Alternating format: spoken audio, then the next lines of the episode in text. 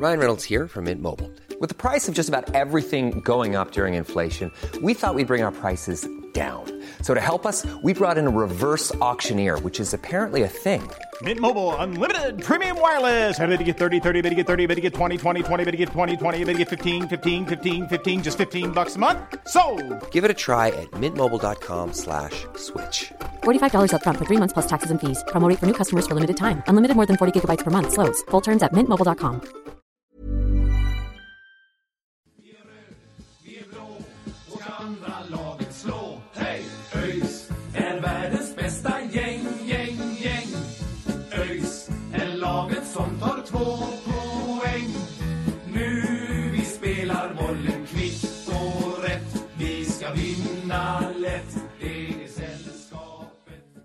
Då hälsar vi er eh, varmt välkomna tillbaka till ett nytt avsnitt av Öjsnack. Och idag så är det årssummeringen. Vi har med oss eh, som vanligt Sören, hur är läget? Jo, men det är bra. Det är bra med mig. Eh, det är ju lite deppigt när det ÖIS inte spelar, men jag tycker det rullar på fantastiskt fint annars. Mm. Och eh, dagen till ära är också Love med. Varmt välkommen, hur är läget med dig? Jo men det är bra. Det är bra man har inne i lite fotbollssäsong nu i alla fall trots att Superettan är avslutad. Lite VM, så precis Saudiarabien mirakulöst slå Argentina så det, jo men det rullar på.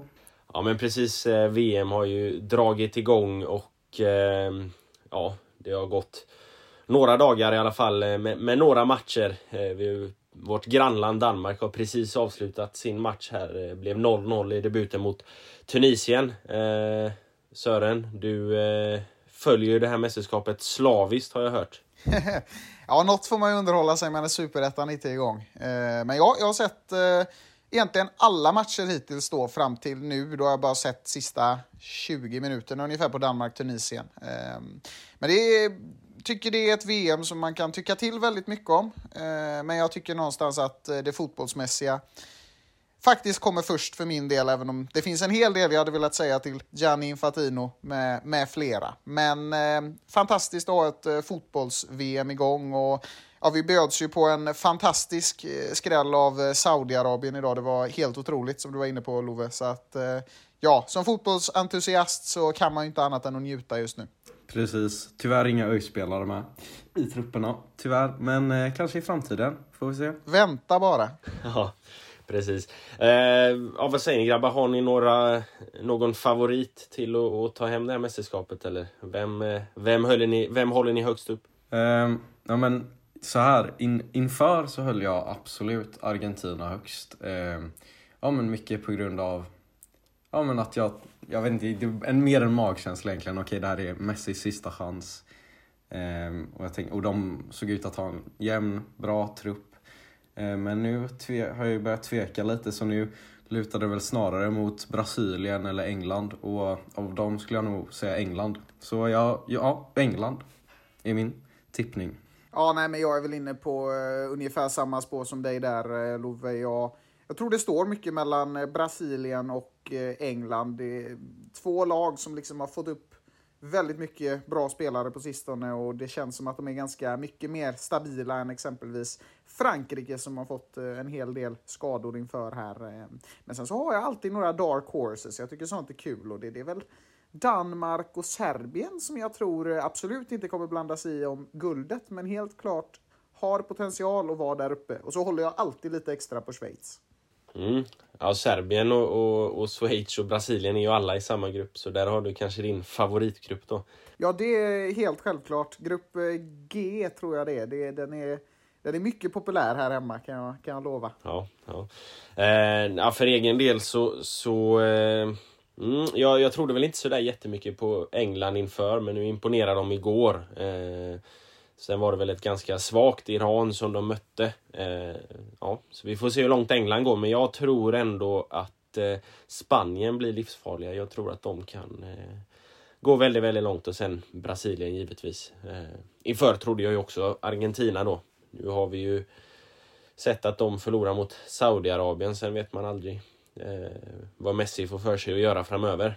Men eh, ja, det är mina tips i alla fall. Eh, men dagens avsnitt ska ju inte handla om eh, VM utan eh, det ska ju vara en summering av året och vi tänkte väl göra så egentligen att vi går igenom lag för lag, deras prestationer och sen så går vi igenom ÖIS lite mer på djupet senare och så på slutet så ska vi dela ut lite utmärkelser där vi har tagit fram några kategorier där vi delar ut Öysnack Awards för andra året i rad och nu har vi med oss Love då, så vi blir tre stycken som, som delar ut priser. Då, då kanske vi får en utslagsgivande röst då om det skulle stå lika där. Ja, det, det är skönt att vi, att vi inte är en duo längre, för då hade jag och Marcus haft ihjäl varandra. Så, så eh, tack Love för detta.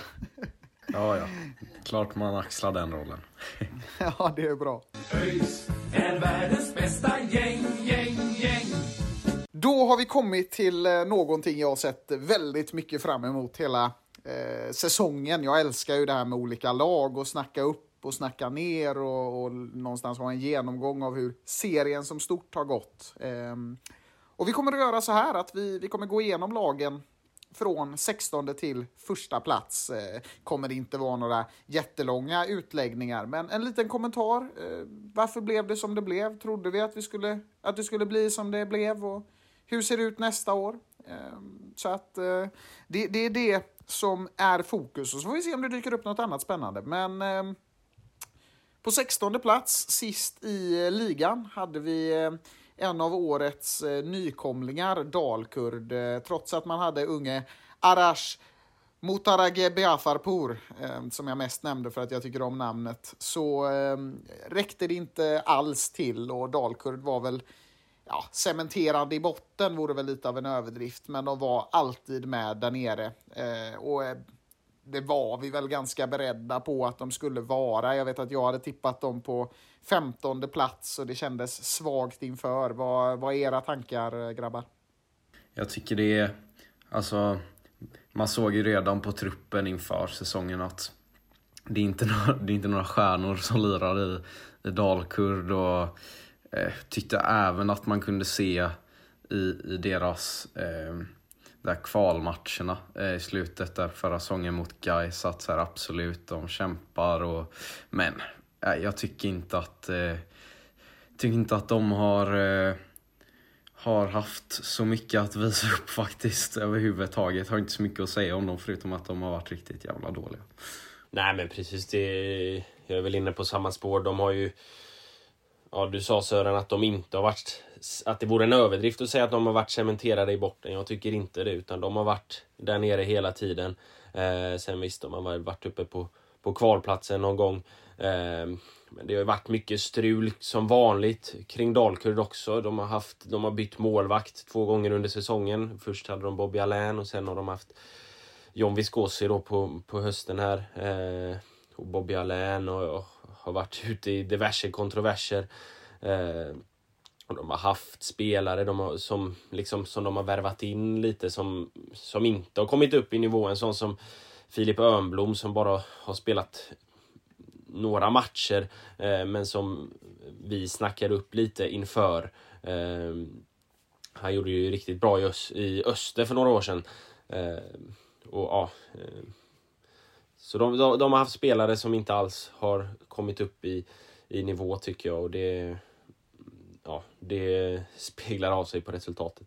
Ja, nej precis. Alltså, det har ju varit eh, si och så. Det är ju eh, som alltid med Dalkurd. Det, det, det kommer 12 gubbar från eh, 13 olika länder och ligor och man kan inte namnet på någon så det är alltid ovisst. Men eh, nej, i år höll det inte och Bobby Allain är ju Bobby Allain på gott och ont. Men eh, kortfattat, vad, vad, tror vi om Dalkurd? Kan de eh, studsa tillbaka eller vad, vad säger vi? Nej, jag tror väl inte det. Jag tror de kommer att, att göra någon, eh, ett par säsonger kanske i, i ettan norra som, som har några starka lag. Vi såg Sandviken. Jag tror Sandviken kommer bli kommer slå Dalkurd. Jag tror eh, Vasalund kommer vara före Dalkurd. Och, ja. Så nej, jag tror de kommer få, få kriga några säsonger i, i ettan norra om de nu, eh, innan de kommer upp igen, om de nu gör det. Ja, men precis. Jag, vill, ja, jag är inne på samma spår där. Att det, mycket talang på väg upp i, i, i ettan norra lagen där. Så jag tror att de kan få det tufft där men eh, de går inte direkt ner i tvåan i alla fall. Men de kommer inte upp heller.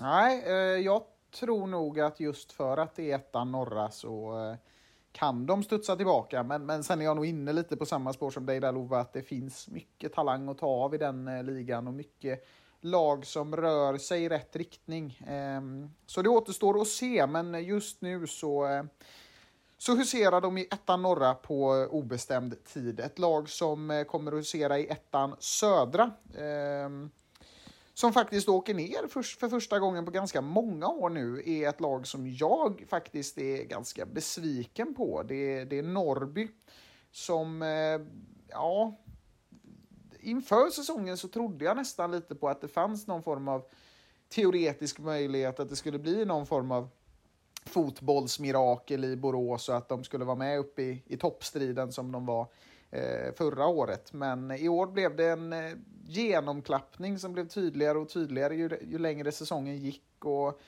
till slut så efter sista omgången så låg de där nere på femtonde plats och eh, ja, Borås eh, kommer inte ha ett lag i Superettan nästa år. Nej, så är det ju faktiskt inte och, och med tanke på att de gjorde en väldigt stabil säsong förra året så så är jag också lite förvånad över det. Ehm, de har ju liksom ett, ett spelarmaterial som, som är ganska liksom bra med superettan-mått mätt eh, i, i stora delar. Ehm, men uppenbarligen så har de inte fått det att, att fungera alls i år. Ehm, det är klart vissa spelare har, har imponerat lite granna. Anton Wede eh, bland annat. Niklas Savolainen som alltid eh, gör det bra på superettanivå. Men eh, ja, målskyttet har, har, har inte riktigt fungerat. De har inte haft någon, någon riktigt vass målskytt. Jag tror det är där mycket ligger i att de, eh, de inte lyckas hålla sig kvar. Sen har de blixtrat till ibland. Eh, slog Halmstad med 3-0 på hemmaplan och sådär. Eh, men eh, ja, på det stora hela så är det ju såklart en stor besvikelse. Ja men precis och, och det är väl mycket där då de har inte fått till någon ordentlig målskytt. Och där, där blev jag lite förvånad. Jag, jag trodde ändå på eh, Jahim Burke som de fick in, som i och för sig gör eh, en, en OK säsong med fem mål, tror jag han gör. Eh, på hela säsongen. Eh, blixtrar till då och då. Eh, men ja, det, det duger inte. Ja, jag vet inte, jag har inte särskilt mycket känslor för Norrby, men eh, men eh, det var, jag såg ett, ändå ett, ett rörande tal där från eh, Niklas Savolainen efter, efter sista matchen. Eh, ja, men mycket, mycket känslor där. Eh, de har kämpat men det har inte hållit. Nej, eh, alltså så var det ju och någonstans tycker väl jag att jag mer eller mindre har väntat eh, varje år fram till 2021 på att Norrby ska åka ner. Eh, just för att jag tycker att det finns inte så mycket charm i laget. Och när de väl blev charmiga, då, då, då åkte de ner. Eh, så det var ju lite tråkigt. Eh, jag tror ju inte att det finns organisation nog att komma tillbaka till superettan inom en ganska överskådlig framtid. Men ja, Norrby har förvånat mig förr, så att vi får väl, vi får väl se. Vad, vad tror ni? Ja, men jag vet inte. Eh, jag har ingen superkvalificerad gissning här men, eh, men bara sådär spontant när jag kollar på truppen så, så, så känner ändå jag att det finns mer kvalitet i Norrbys trupp än i Dalkurds trupp. Ehm, men, men sen är det lite skillnad på södra och norra och sådär. Men, eh, men lite som du är inne på där, jag tror att de inte riktigt har organisationen för att backa upp ett sånt här bakåtsteg eller vad man ska säga. Ehm, så jag tror de, de får det nog kämpigt, men vi får se. Ja, jag är nog inne på samma spår och de, de måste ju leta en ny tränare nu också. McLind har ju, har ju avgått och sen är det, är det några tunga pjäser som, som eh, lämnar också. Ivo Pekalski bland annat och sådär. Så, eh, ja, eh, det, det beror på lite vad de får ihop för, för truppbygge men eh, ja, jag tror väl mer på Norrby än på, på Dalkurd. Jag tror definitivt de kommer vara med i toppen av eh, av ettan södra men eh, ja, vi, har ju, vi har ju bland annat ett Falkenberg där som, som jag tror kommer bli, bli tufft för dem att slå. Ja, eh, det är väl så. Vi får, eh, vi får se och så får vi önska Borås Blindtarm lycka till framöver. På 14 plats hittar vi Östersund och där vill jag ändå briljera med att jag tippade exakt rätt. Det är inte ofta det händer. Jag tippade dem på 14 plats och de kom 14. Ja, då vill jag säga att jag tippade Dalkurd som sist också va? Ja men gratulerar. Eh, då hade vi faktiskt ett rätt var i alla fall. Eh, Love, du får köra en tippning eh, nästa år där också så, så, blir det, så blir det grymt. Då kanske du får två rätt till och med. Eh, men om vi tänker på Östersund så, eh, ja, det här har ju varit, eh, den här säsongen har ju varit lite det moderna Östersund i ett nötskal. De, om inte Dalkurd var cementerade i botten, då var fan Östersund det. De låg fan sist hela tiden.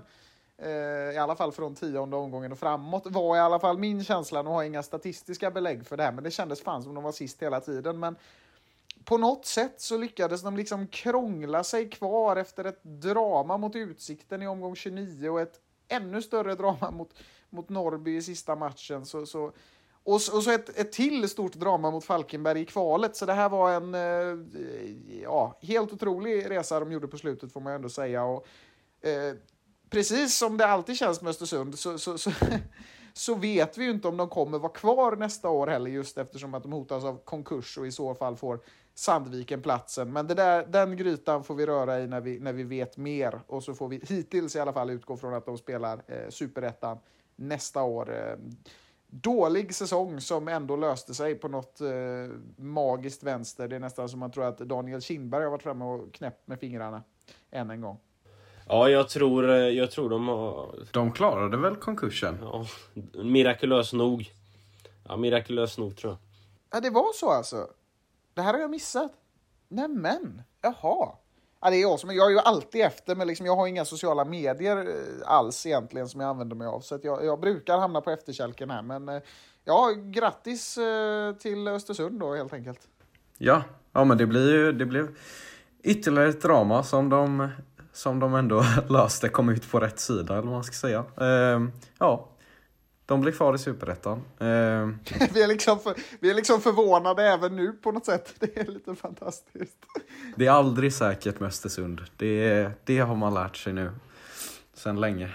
Nej, precis. Nej, det, det, det är ett rabalder. Där har man väl lite också blandade känslor tycker jag för Östersund då det, alltså det finns ju någon slags charm i att det är en klubb med, ja men mycket, ändå relativt mycket lokalt stöd. Eh, uppe i Norge, en av de få klubbarna som har haft sportslig framgång. Ehm, och de hade hela sitt Europa-äventyr men sen har ju ja, allt det där med Kindberg och vad det är liksom har hela tiden varit fram och tillbaka så det är lite blandade känslor men ja, jag tycker ändå att det är kul att ha kvar dem. Ja, alltså det... Ja, det, det, det är väl vad det är. För mig så hade det väl kvittat om det var Östersund eller Sandviken då som skulle fått deras plats. Om de inte eh, var... Eh, ja, om de inte hade samlat ihop de här pengarna då. Eh, nu blir, ser det ut att bli Östersund. Eh, och det är ju på något sätt ändå ganska liksom eh, mirakulöst. De stod för en väldigt stark höst och liksom kämpade sig in och, och som det sa Sören, det var drama ända in i sista omgången och de vann mot Norrby en direkt avgörande match. Eh, så på det sättet så, så är man väl ändå någonstans imponerad över hur de, eh, hur de hämtade upp det helt enkelt på, på slutet efter att ha varit liksom ganska avhängda väldigt länge. Eh, sen är det klart att Norrby står för en otroligt svag avslutning också som gör att de hamnar där de hamnar. Och, och som gör att Östersund till slut kan gå ikapp. Men eh, ja, en, en stark höst eh, som, som imponerar. Sen vill jag bara lyfta den lilla besvikelsen ändå över att Falkenberg inte tog sig upp. Eh, det hade ju varit en god bortaresa framförallt om den eh, hamnade någon gång där eh, på sommaren i maj eller sådär. Det hade ju varit gött. Eh, men eh, ja, istället blir det flera timmars resa upp till Norrland. Ja, det är vad det är. Ehm, alltså jag, jag känner lite så här alltså.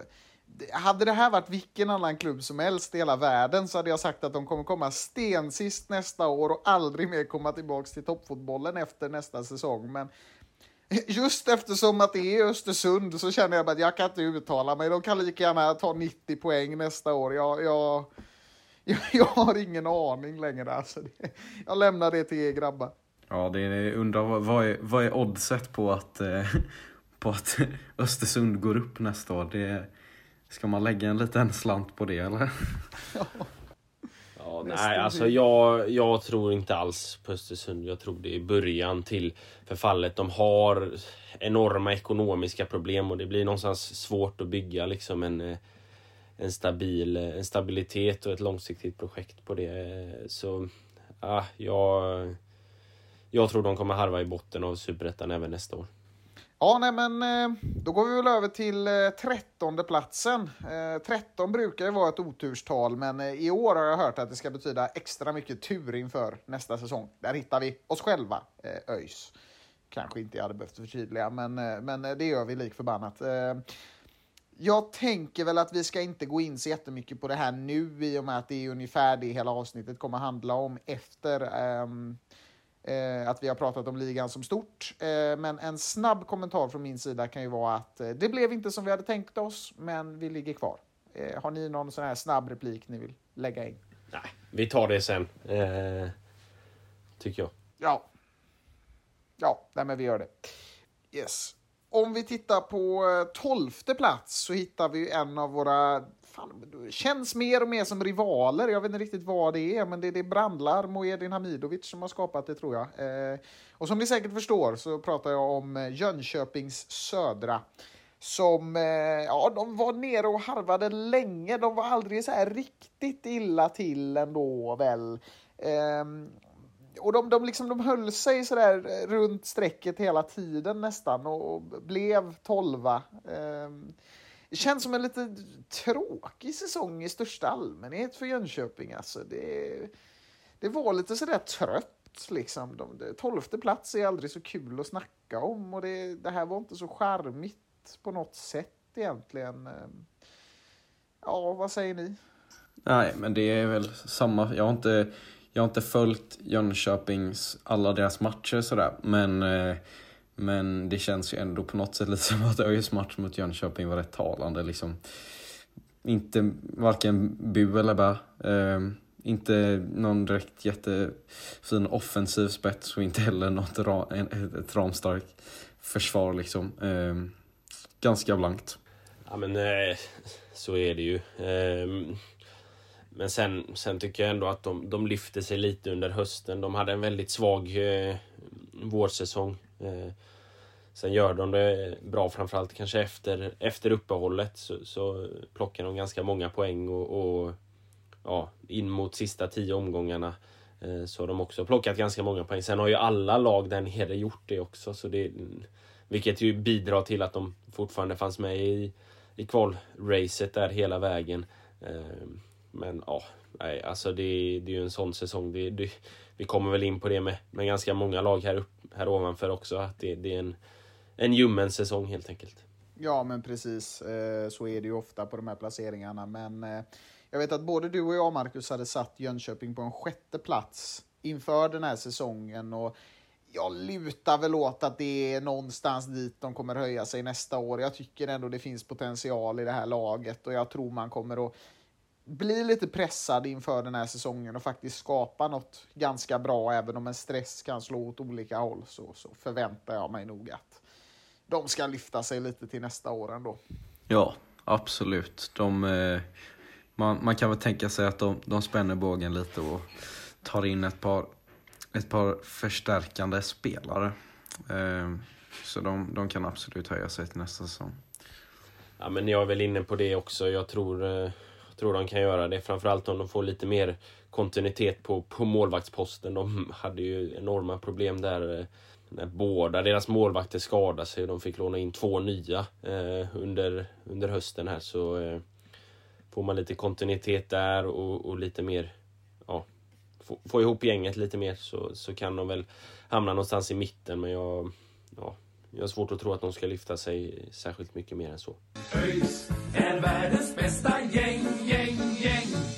Vi brukar prata ljumna säsonger i eh, mitten av eh, tabellen, eller den nedre mitten snarare kanske, och det, det kommer vi göra mer i det här avsnittet. Men eh, några som jag tycker ändå har haft en ganska het säsong för sitt namn så att säga. Det, det är ju våra grannar på hissingen Utsiktens BK. De är ju egentligen från Rudalen, men eh, just nu är det hissingen som gäller och eh, jag skulle, alltså så här, jag skulle ändå vilja kalla det här för en succé. Ehm, det är en klubb med väldigt, väldigt små ekonomiska medel. De eh, har harvat runt i division 1 södra länge nu, sedan 2015. De kommer upp, de gör ett extremt avtryck under våren. De är till och med med inblandade i kvalracet jävligt länge och de folk får upp ögonen för dem. De, de gör sig själva till ett namn på ett sätt inom svensk fotboll som jag aldrig har sett en liten klubb från en eh, stor stad.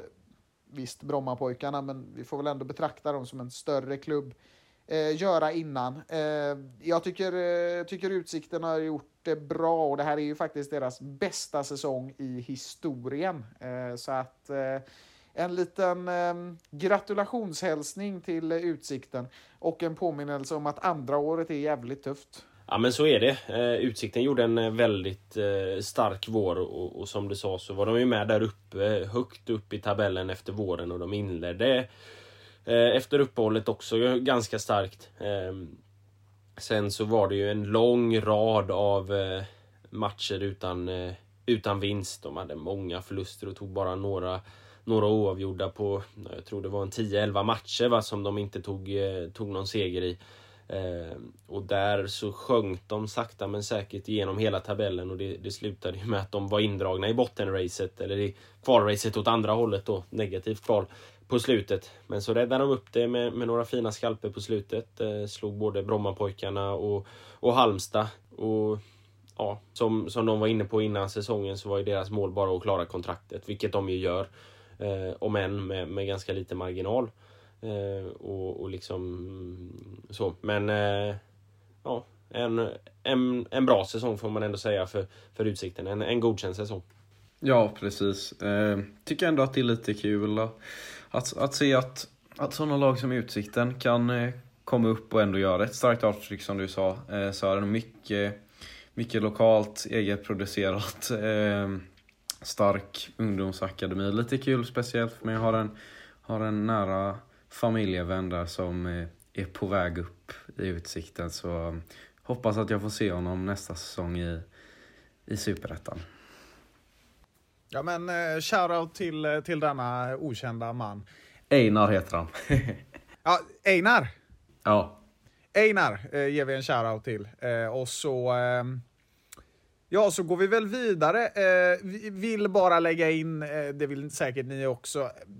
Alltså, vi var ju inne på det, eller kanske jag mest, eh, ni är säkert också det, på att eh, ja, det här andra året som väntar Utsikten, ja, det kommer bli tufft tror jag. Ja, absolut. Eh, ja, jag har ändå svårt att se att de liksom inte skulle halva i botten. Eh, jag tror det blir extremt tufft. Ehm, ja, men de har inget att göra i toppen. Och nu har de inte heller den här lilla boosten som nykomlingar som man ändå har. Ehm, nu måste de liksom bevisa sig själva. Ja, precis. Jag skulle säga det. De, de liksom, de eh, de kommer ju inte in i säsongen med den energin som man kanske gör som en, en nykomling. Eh, sen vet man aldrig med, med Bosko vad han kan hitta på. Men det, jag tror mycket avgör på vilka nyförvärv de får in. För eh, den truppen som de har nu är, är lite för svag och, och, med den hösten som de har gjort. Liksom det, nej, det, mm, de behöver eh, både en och annan förstärkning för att, för att lyckas hålla sig kvar tror jag. Ja, man får ändå ge Bosko att han eh, har en förmåga att krydda till den här ligan på ett eh, intressant sätt.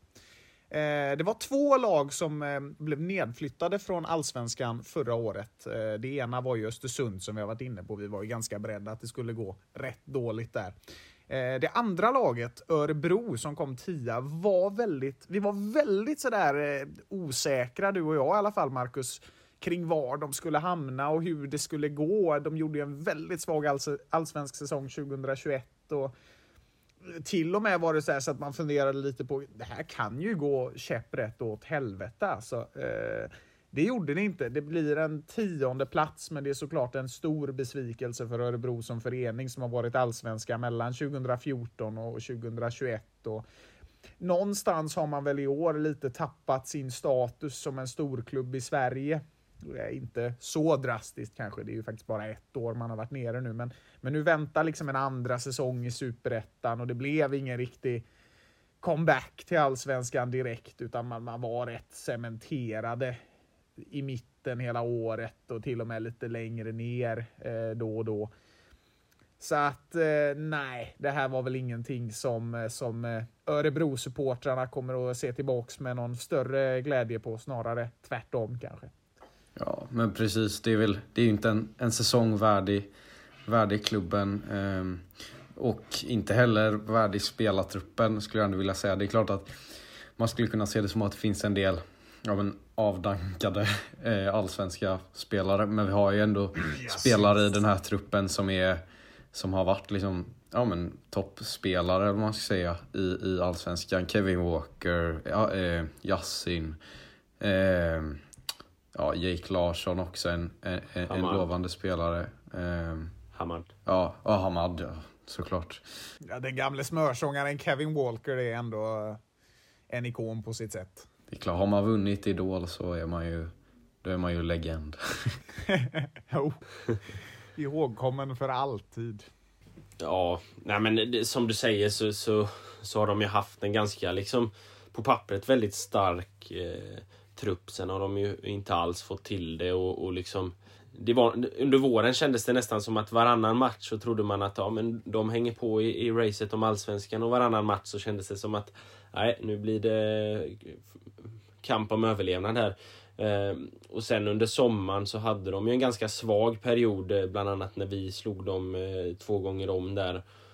Och då kom de helt plötsligt med lite mer närmre botten eh, Eh, racet. Sen lyfte de sig lite och så på slutet så, så, så eh, tappade de det lite igen och det dröjde ju faktiskt hela vägen in till sista omgången innan de, de kunde säkra kontraktet. Eh, så eh, nej, en, en, en stor besvikelse både sett till, till klubbens storlek och till eh, spelarmaterialet.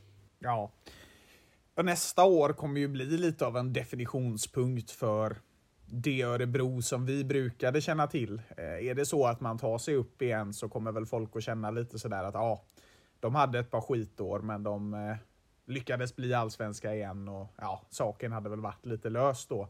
Eh, eller så blir de inte det och då kommer man nog eh, kunna diskutera Örebro som en eh, ja, normal, bra superettan-klubb potentialen, eh, den högsta potentialen i spelartruppen finns ju onekligen för att kunna göra riktigt bra saker. Ehm, men eh, ja, med tanke på hur det ser ut i år så skulle i alla fall inte jag vara så säker på att det blir en direkt, eller direkt en, så skulle inte jag vara så säker på att det blir en eh, comeback 2023 heller.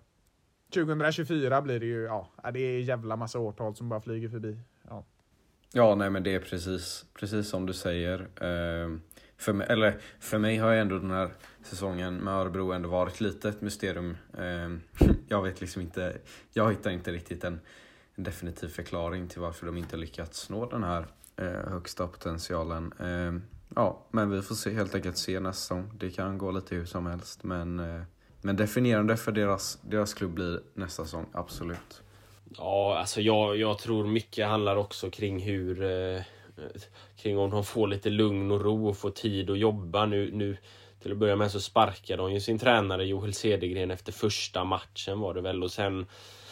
Sen gick Axel Kjell in och han fick sparken i somras. Och nu har de väl Christian Järdler som ju ändå får sägas vara ett en, liksom en bra tränare. Så ja, kan han få jobba i lugn och ro så, så kan det nog bli bli bra så småningom. Sen om det, det lyfter redan nästa år, det får vi se. Men eh, ja, jag tror väl att de hamnar på den övre halvan i alla fall nästa år. Ja, eh, hade Örebro varit en eh, vanlig arbetsplats i Sverige, då hade facket haft väldigt mycket att göra. Eh, vi får väl se om det kvarstår nästa år också. Så eh, upp till bevis nästa år för, för Örebro. Tittar vi upp på nionde plats så har vi ett lag som ja, de är nästan alltid med och det blir liksom tio vinster, tio oavgjorda och tio förluster känns det som. Eh, så blev det i år i alla fall för Gamla Västerås, bandins bandyns eh, inofficiella huvudstad i Sverige. Ehm, vad ska man säga? Det, det, det var jävligt rötet jävligt länge, men de gjorde faktiskt en riktigt fin säsongsavslutning och känns lite konstigt att prata om dem som att de kom nia, för det, det känns liksom som att de borde ha kommit trettonde eh, hela året. Men eh, en fin räddning på slutet gör ju att eh, de faktiskt håller sig kvar i ligan och får eh, ett år till att jobba vidare med, med det, de, det de har. Eh, och det känns väl som att de kommer vara ungefär likadana nästa år. De kommer ligga där nere och huruvida de får kvala eller inte, det är ju omöjligt att säga nu. Men eh, att det skulle bli ett drastiskt lyft och Västerås skulle gå upp, nah, det har jag väldigt svårt att tro. Eh, vad säger ni?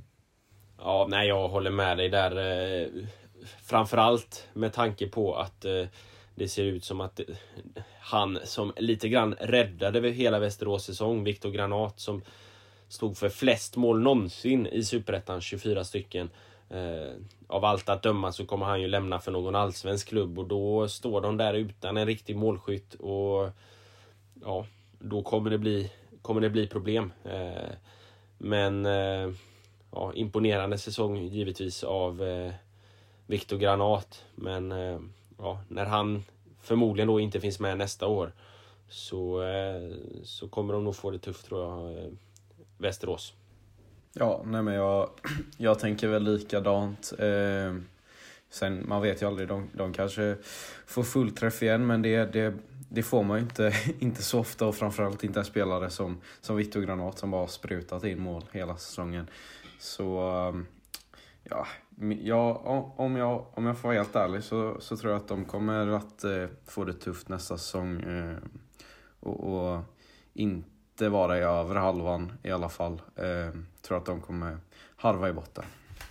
Ja, eh, det är väl lite ekonomi som kan komma in, lite bra ekonomi som kan komma in efter Viktor Granat, men eh, jag tror vi alla tre kan vara helt överens om att eh, pengar är ingenting som garanterar en morgondag i, i superettan. Eh, det har vi sett många gånger förr.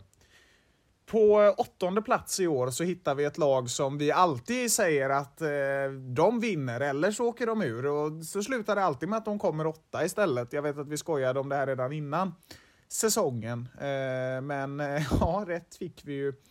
Det är världens mest eh, spretiga fotbollsklubb jag pratar om.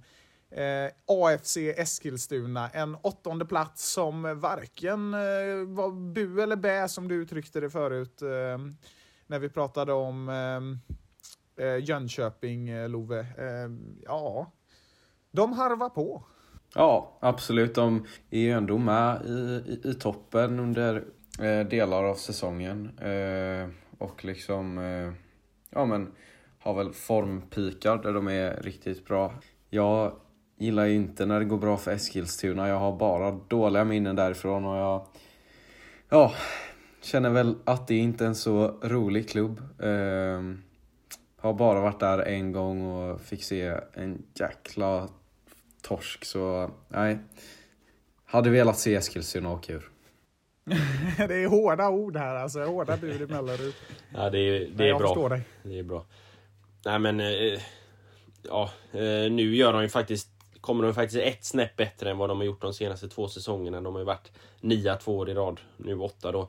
Eh, och som du säger där Sören, det, det är som vanligt spretigt. Eh, men, men de liksom ju står väl för en, en stabil säsong ändå. Eh, och det var väl någonstans där eh, i den konstiga matchen mot oss där eh, på, på Gamla Ullevi när det regnade och vi fick komma tillbaka dagen efter. Det var väl någonstans där de tappade det riktiga hänget på toppen och då blir det ju kanske lite svårt att, att motivera sig de sista omgångarna. Ehm, men, men ja, på det stora hela så är det ju ändå en, en okej okay säsong. Och jag, jag tror väl någonstans att liksom om de, nu har de ju redan värvat lite grann och sådär men, men det känns ändå som de har en, en, en, en okej okay stomme i laget. Ja, visst, nu går eh, André Alsanati till, till Sirius här, eh, en, en stor poänggörare i, i AFC, men jag, jag mm, det känns ändå som att de har en, en mer stabil stomme nu än vad de har haft tidigare år när det har varit in med 25 gubbar varje år. Och, och liksom en tränare som ändå är ung och på uppåtgående. Jawad Al Jabouri. Eh, så eh, ja, jag, jag tror ändå att eh, de kan, kan bygga vidare på det här nästa år. Eh, sen hur bra det blir, det återstår att se. Men eh, ja.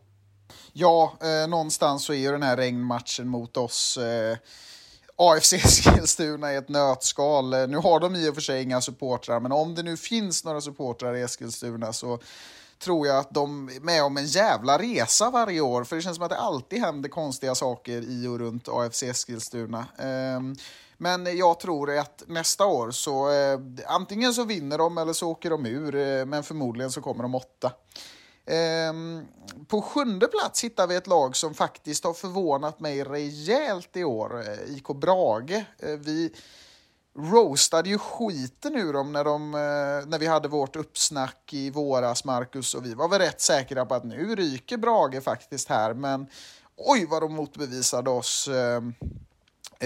i början av säsongen var ju jättebra med och i serietopp till och med ett tag. Och, ja, det såg ut som att inget kunde stoppa dem nästan. Sen eh, avtog det ju mer och mer och under hösten så var de faktiskt riktigt svaga. Eh, de eh, förlorade sina allsvenska, eh, sina allsvenska drömmar fullständigt och eh, ja, ramlade ju ner till sjunde plats. Men eh, våren gav ju helt klart indikationer på att saker var på gång. Eh, men sen blev det inte så. Ja men så, så var det. Vi var ju väldigt eh, förvånade över den vårsäsong eh, de gjorde. Och eh, någonstans så blir väl de, de två matcherna eh, som vi gjorde mot dem eh, blir någonstans definierande för deras säsong. Där den första matchen eh, uppe i Borlänge är en match som vi helst vill glömma. Där Brage var riktigt bra i den matchen. De var riktigt bra den halvan av säsongen. Och den sista matchen när vi vann med 4-0 här på hemmaplan så var de riktigt usla och det var de också under hösten. Och det är därför som de, som de inte riktigt hänger i hela vägen. Men eh, ja, eh, Kleber Särenpää och, och hans gäng där uppe i, i, i Borlänge gjorde en, eh, en stark säsong eh, på våren och, och mycket starkare blev den ju till slut då än vad man, vad man hade förväntat sig på förhand. Sjunde plats får, får anses vara bra för Brage. Eh, lite bitter eftersmak har de säkert med tanke på den dåliga avslutningen. Men eh, zoomar man ut lite så är det ju ett, ett bra resultat. Jag ska inte säga det. Jag ska inte säga det. Vet ni vad de sa om Brages säsong i Norge? Nej. De var icke dåliga. De var Brage. Åh, Marcus, klipp bort det. Men eh, ha kvar det ändå. ha med det, snälla ha med det. Du kommer bli, du, du blir hängd Lägg in för en sån- evigt. Du, får- du får lägga in en trumvirvel där. Eh, Det var så... Vi får, göra, faktiskt, det var, vi, får göra ett, vi får göra ett out of context. Ja, precis. Nej, men det, det, här, det här är liksom något som jag velat säga i podden hela året. Men så har det varit så jävla dåligt. Så jag, har liksom, jag har inte kunnat med, men så tänkte jag fan nu är det sista chansen, nu får jag, nu får jag dra till det. Ja, nej, förlåt till alla lyssnare. Ja, Love, vad har du att säga om Brage? Nej, ja, ni, ni har väl, har väl sagt det mesta. Eh, ja, jag, när jag satt och lyssnade på, på era, era säsongstippningar i början, eh, i början av säsongen innan, innan det hela hade utspelat sig så, så var jag väl inne på exakt samma eh, spår som er. Jag, jag var ganska säker på att de skulle rätt ner. Eh, men eh, ja, ett bra jobb eh, av det här namnet som är, jag inte vet hur man uttalar. Eh, måste gå in på super, en av superettans svåraste namn att uttala. Eh, Kleber. Precis. Ja, det, var, det, var, det var klart godkänt, tror jag. Jag vet inte heller vad han heter. Men det är ingenting mot han Arash i eh, Motarage Biarfarpour tänker du på? Briljera. Ja, jag älskar det namnet. Ja, precis. Framtida lista för ett, nytt, för ett annat avsnitt. Svåraste slash bästa namnen i superettan.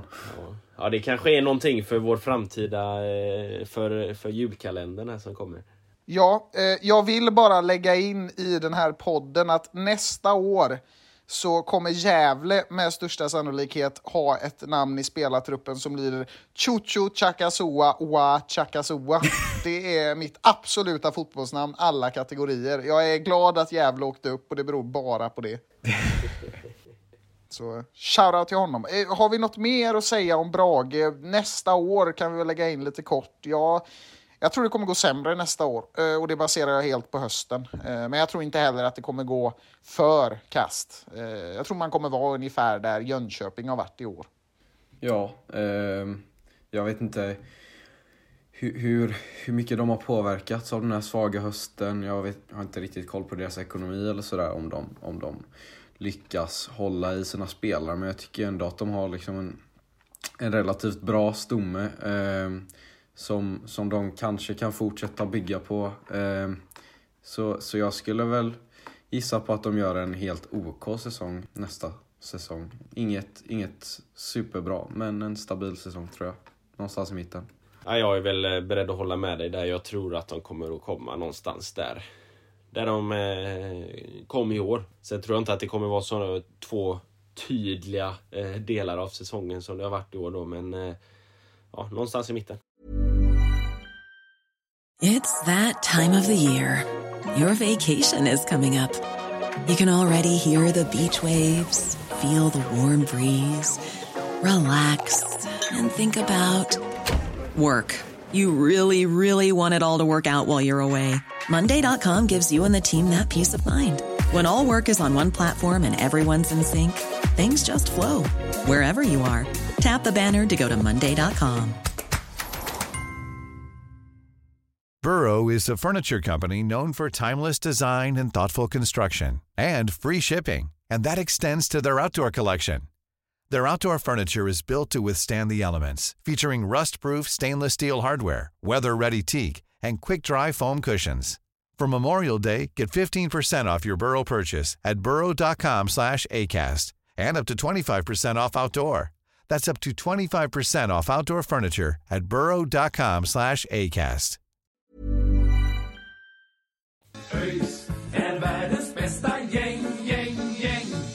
På sjätte plats så hittar vi Landskrona Boys, ett lag som ändå har imponerat nu två år i rad tycker jag. Det känns ändå som att man styr skutan i rätt riktning där nere i Skåne och det tycker ändå att det är kul att Landskrona någonstans har etablerat sig i den svenska fotbollens finrum igen. Vi var ju lite skeptiska inför eh, Marcus, nu minns jag inte exakt vad du trodde, men jag trodde att det skulle bli rejält tufft för Landskrona, men de skötte det ändå ganska snyggt. Det var liksom aldrig någon katastrof. De var väl aldrig riktigt med i topp, toppen så, men de, de höll sig rätt jämnt där och sjätte plats slutade det med och det tycker jag absolut är godkänt. Eh, en bra säsong skulle jag vilja säga av eh, Landskrona.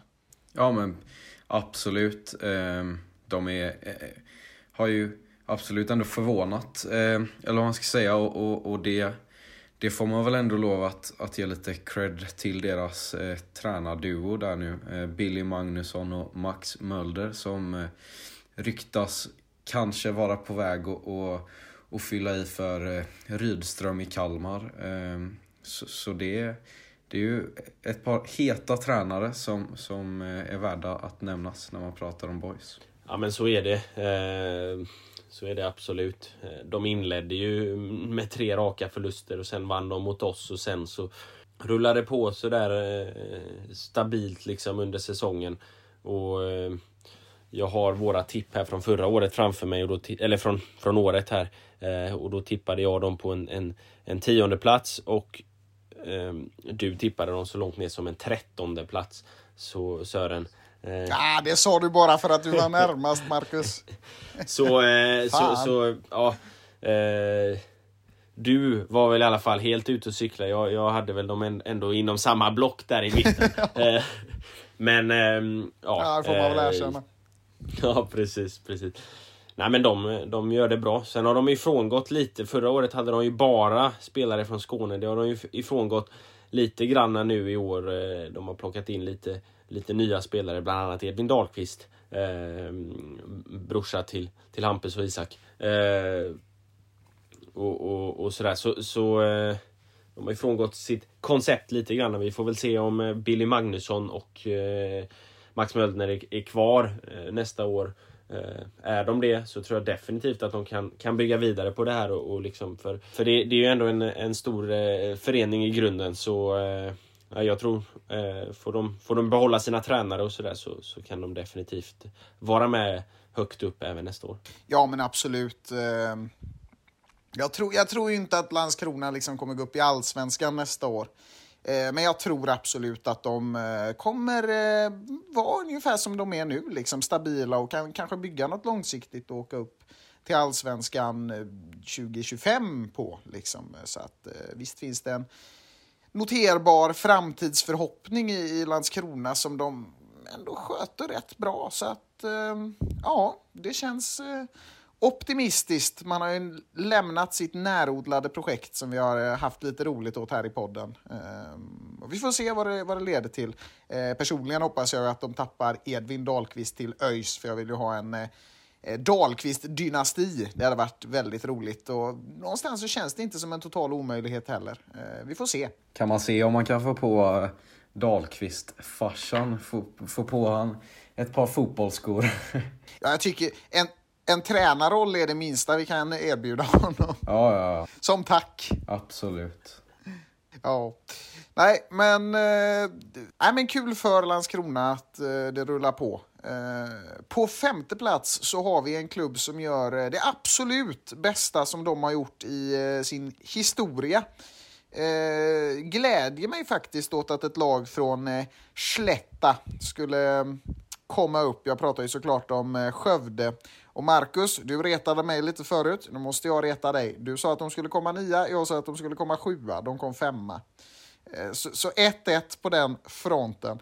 Eh, men eh, Skövde har ju varit ett roligt lag att följa i år får jag ju säga. Alltså, det har varit...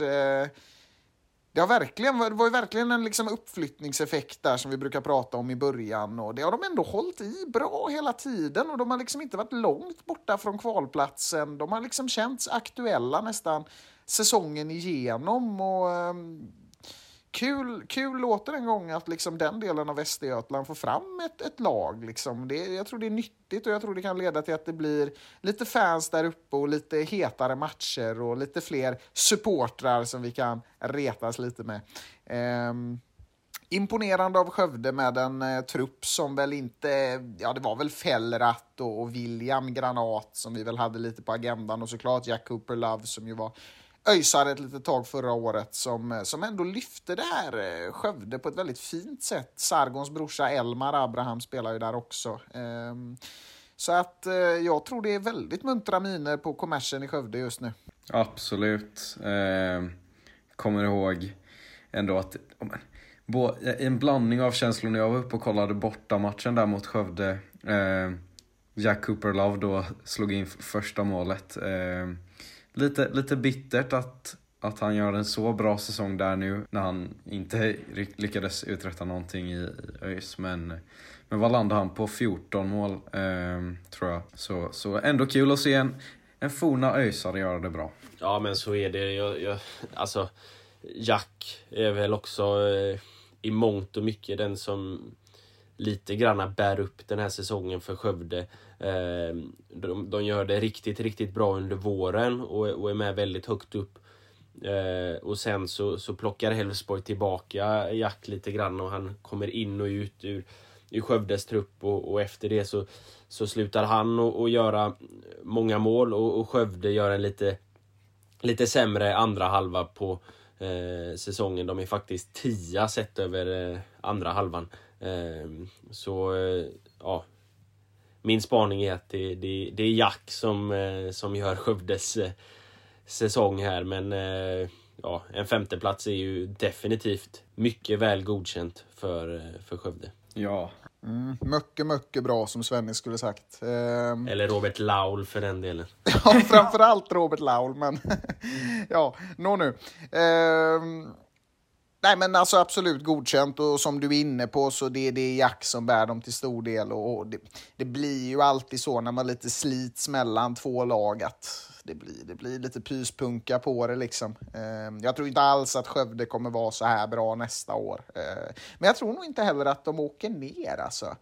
Eh, jag tycker ändå att det, mm, man har ändå lite av en grund och att de ska hamna 10 till 12 det, det ser jag absolut inte som en omöjlighet. Men att de skulle göra en till så här bra säsong, ah, det, det tror jag nog inte. Det, det stannar nog eh, här tills vidare när man tänker på eh, bästa placering någonsin och sådär. Jag tror inte det går att toppa. Men eh, ja, kvar är de i alla fall. Skulle också bara vilja bryta av lite och, och lyfta ett roligt Skövde-moment från den här säsongen. Det var någon gång där i början av säsongen då de kom med ett fantastiskt baguette-tifo. Kommer jag aldrig att glömma. så så ny, ny och, och, och påhittig supporterkultur uppe, uppe i Skövde. Ja, att baguetterna skulle nå de eh, elitsvenska läktarna, det, det, det var, hade jag nog inte riktigt eh, väntat mig. Men eh, alla äter baguette i Skövde, kan vi väl konstatera efter det här. Ja, precis. Nej, men... Eh, ja, alltså, jag tror absolut att de kan göra en, en stabil säsong nästa år. De har ju en intressant tränare i i Tobias Linderoth som, som jag tror kan bli en väldigt bra tränare framöver. Eh, ja, så vi får, vi får väl se. Men eh, ja, jag har också svårt att tro att de ska göra det riktigt lika bra som de gjorde i år. Nej, det känns väl eh, som det mest rimliga i alla fall. Eh, men Linderoth kan nog eh, hålla kvar dem rätt länge. Det, det finns ju några sådana där tränare som liksom kan leda sina lag och hålla dem kvar och ändå göra bra grejer med lite material. Och han känns lite som en sån gubbe. Ehm, ett lag som alltid gör ganska mycket men som inte åker upp. Eh, det är ju Trelleborg, allra, allra längst ner i fotbollssverige. Ehm, känns som att, det kanske är en Mandela-effekt, men det känns ju som att de kommer fyra varenda jävla år. Eh, det var väl 2018 de var uppe sist, så det var väl fjärde säsongen i Superettan eh, med risk för att jag kanske är något år fel. Ehm, de gör ju det bra, Trelleborg. Eh, de är liksom med där uppe utan att vara där uppe på något sätt. Och det är väl slående för varenda säsong de har gjort de senaste åren. Ehm, alltså, det känns som att det är ett lag som absolut kan vara med i den absoluta toppen nästa år just för att de har den här resultatmässiga bredden. Får de ett litet lyft då kan det bli riktigt, riktigt bra. Eh, men det där lyftet ska ju komma också. Ja, det har det faktiskt inte gjort, eh, än så länge i alla fall. Men, men de fortsätter ju att hålla sig på övre halvan ganska långt upp i, i superettan. Och, ja, man får väl ändå säga att de imponerar, men sett till vad man ändå tror att de ska kunna prestera så, så är man inte helt övertygad. jag, jag tycker väl att eh, de presterar ungefär i linje med vad man kunde förvänta sig innan. Eh, de, de är ett lag som liksom är stabila eh, och, och, ett lag som liksom är uppe där och ska vara med och hota om de allsvenska platserna. Nu ser jag här att jag hade tippat dem som, som tvåa, du hade tippat dem som trea, så det är väl ett lag som vi får ganska ändå relativt rätt på. Eh, och det är väl där uppe de ska vara. Sen har de inte haft riktigt den bredden i truppen som gör att de kan vara med hela vägen upp. Men eh, ja, en stabil, en, helt klart en stabil säsong för, för Trelleborg.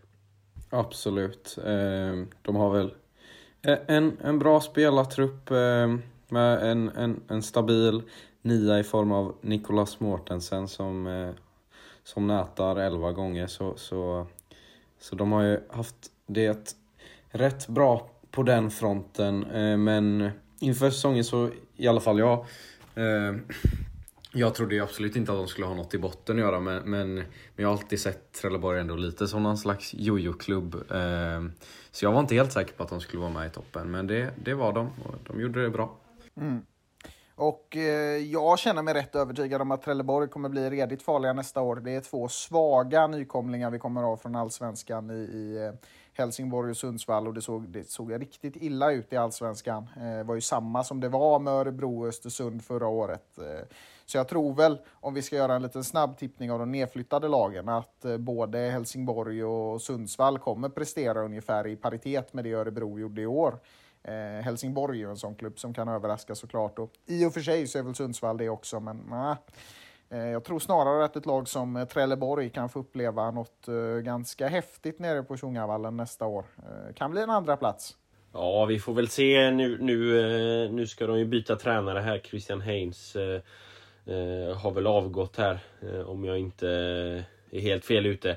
Och, eh, så vi får väl se vad, vad den nya tränaren kan, kan hitta på. Men, men absolut, jag tror att Trelleborg har materialet för att vara med i toppen även nästa år. Nej, men eh, jag, jag har inte så mycket mer att, mer att tillägga eh, utöver det ni har sagt. Men, men jag, jag tror de kan bli riktigt farliga. Men klart ett, ett tränarbyte eh, är alltid ett tränarbyte. Det, det, det kan ändra på mycket. Men, eh, men jag tror att de har, de, de har truppen för att eh, slåss i toppen nästa säsong. Mm. Det blir eh, ris eller eh, ros eh, på eh, Vångavallen. Eh, det som ändå står eh, helt klart är att det kommer vara Palme kvar i Trelleborg oavsett vad som händer. Eh, ett lag som jag tycker påminner väldigt mycket om Trelleborg och som väl egentligen också känns som att de har lite samma historia på något sätt och samma liksom eh, samma fa- inne i samma fas EU är ju Öster som kom trea och lyckades knipa den där kvalplatsen till slut. Eh, Sen torskade man ju i, i kvalet mot Varberg där, vilket ändå förvånade mig lite. Jag trodde nog att Varberg skulle få det lite tuffare alltså. Ehm, men ehm, ja, det fick de inte och Öster är ett superettanlag även 2023. Ehm, och jag tror väl precis som med Trelleborg egentligen och tycker precis som med Trelleborg att det var bra jobbat. Eh, men det här sista steget, det kom inte riktigt i år heller, även om det var väldigt, väldigt nära att det gjorde det. Eh, men så tror jag också att det kan komma nästa år. Ehm, jag tror nog det är Öster och Trelleborg som vi verkligen får se upp med nästa år. Ehm, och säkert något, något skrällag av de vi redan har pratat om. Eh, så brukar det ju alltid bli i den här serien. Ehm, men ja, Öster, absolut. Mycket bra, som Svenny skulle sagt, men eh, inte tillräckligt bra. Nej, precis. En, en, en bra säsong, men jag, jag, jag är ändå lite osäker på, på deras, eh, deras kommande säsong. Ehm, eh, de, de ser ut att tappa tappa eh, sin eh, mittback eh, John Stenberg som som ryktas vara på väg mot Degerfors. Och så har vi Silverholt som redan innan matchen här mot Varberg hade presenterats för Varberg. Så, det är två spelare som de tappar. Får se lite hur det blir där, om de, om de lyckas förstärka truppen. Men, men, så jag är inte helt säker på Öster inför nästa säsong.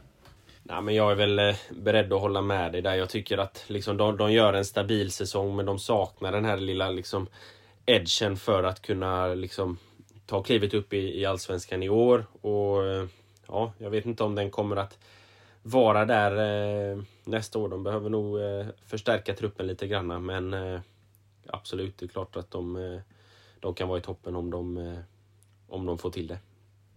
Ja, men oavsett kan vi säga att både Öster och Trelleborg är fotbollsklubbar som mår rätt bra. Alltså, det, det, det går ingen riktig nöd på någon av dem. Eh, och, ja. Återstår att, och se vad som eh, händer. De har inte varit allsvenska sedan 2013, så tio år senare så är de nog eh, riktigt sugna på att bli det igen kan jag tänka mig. Så ja, håll utkik mot Växjö. Nu ska vi gå över på de lagen som faktiskt har blivit allsvenska och som faktiskt ska få pröva sina vingar i, i fotbollens finrum eh, nästa år. Eh, vi börjar med Halmstad, ett lag som eh, du och jag, Mackan, och säkert även du, Love, var väldigt, väldigt säkra på att de här kommer åka upp eh, inför säsongen. Det var liksom det säkra tipset det här året egentligen, att Halmstad kommer vara med högt upp och med absolut största sannolikhet så går de också upp eh, rent truppmässigt. Så var de ganska överlägsna redan från start. Ehm, och överlägsna spelmässigt var de ju också från start. De, de hade ju liksom kunnat säkra ett allsvenskt kontrakt väldigt, väldigt tidigt. Sen blev de lite nöjda och så gjorde de inte det. Ehm, det tog en jävla tid innan det blev klart ehm, och det jag tror inte det beror på en eh, drastisk försämring av Halmstads spelare. Jag tror helt enkelt att man var så bekväma med att vi kommer bli allsvenska så att man tappade fokus. Eh, det har man sett många gånger tidigare i, i fotbollssverige. Ehm, så att, eh, ja, det, det, det är ju som det är med, med HBK. Ehm, men att de ska prestera bra i allsvenskan nästa år, det tror jag faktiskt. Jag tror de kommer hålla sig kvar och faktiskt ändå liksom inte åka ner direkt igen, utan de kommer vara kvar där uppe och leva rövare ett tag. Eh, känns ändå som att potentialen finns. Eh, säker kan man ju aldrig vara, men eh, jag tycker ändå att det här har varit genomgående superettans bästa lag, eh, även om de kom av sig lite på hösten. Så eh, godkänt, väl godkänt med ett eh, litet minus i kanten ändå på den där eh, riktigt svaga avslutningen.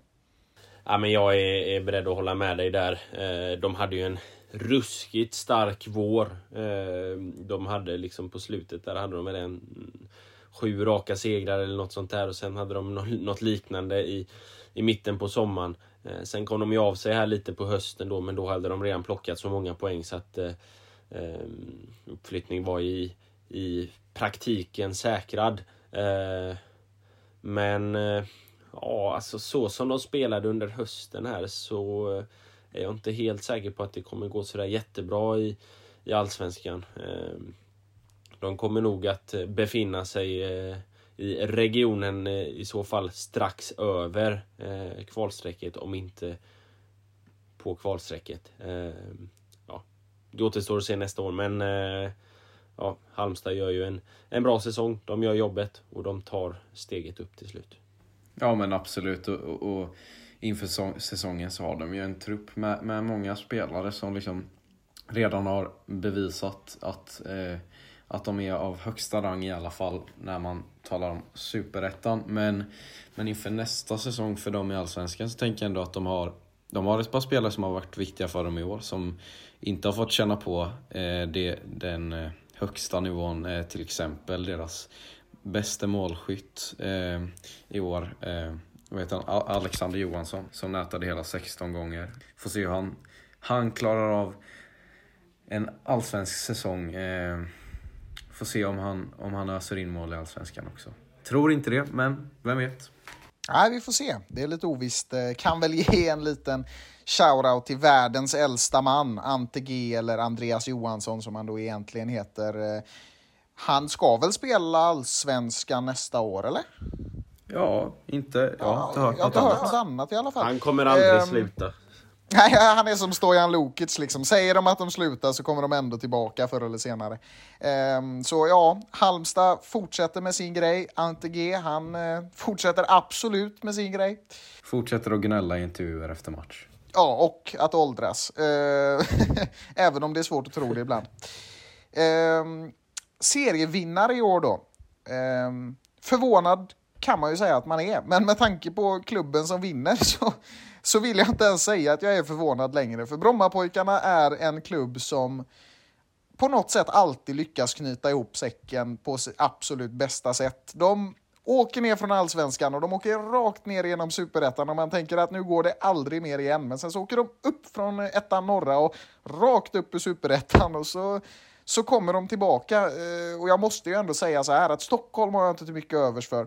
Men eh, man gillar ju ändå det här Brommapojkarna håller på med när de liksom sista matchen så har de tryckt upp eh, tröjor med en hiss liksom eh, och gör lite narr av sig själva. Sånt där uppskattar ändå jag rätt mycket alltså. Eh, tycker Brommapojkarna det är svårt att stå bakom en sån klubb, men det finns ju ändå en charm i det de håller på med som ju är helt bisarrt. Och, och du och jag sa ju det här från, från början, Marcus, nu la vi inte in det här i tippet, att de åker upp och det är av anledningen att de heter Brommapojkarna.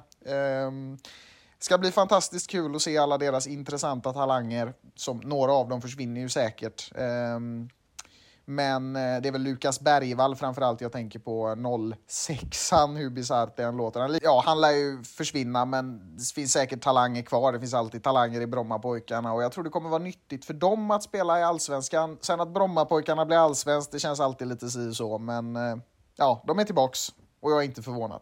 Ja, nej men det, det är väl lite, lite så jag känner också. Kommer inte, jag kommer inte direkt sakna dem eh, sådär. Eh, de tillför inte något extra till Superettan, men, men kul att, att se att det går bra för, för deras ungdomar som eh, säkert kan bli framgångsrika eh, svenska lirare kanske ute i Europa eller i Allsvenskan, får se.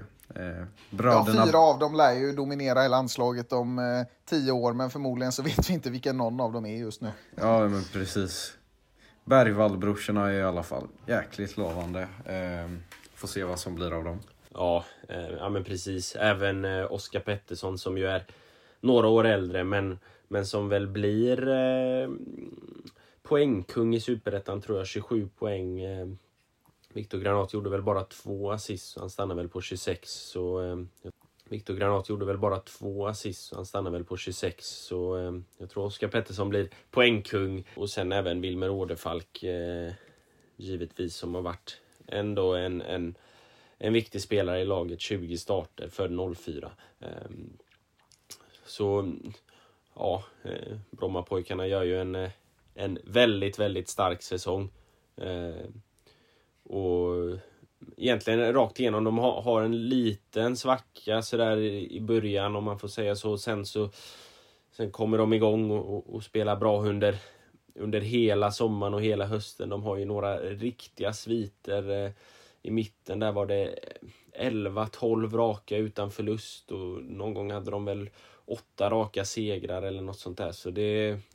Nej, de gör det, gör det riktigt bra. Sen återstår det att se då om de får behålla eh, sina bästa spelare.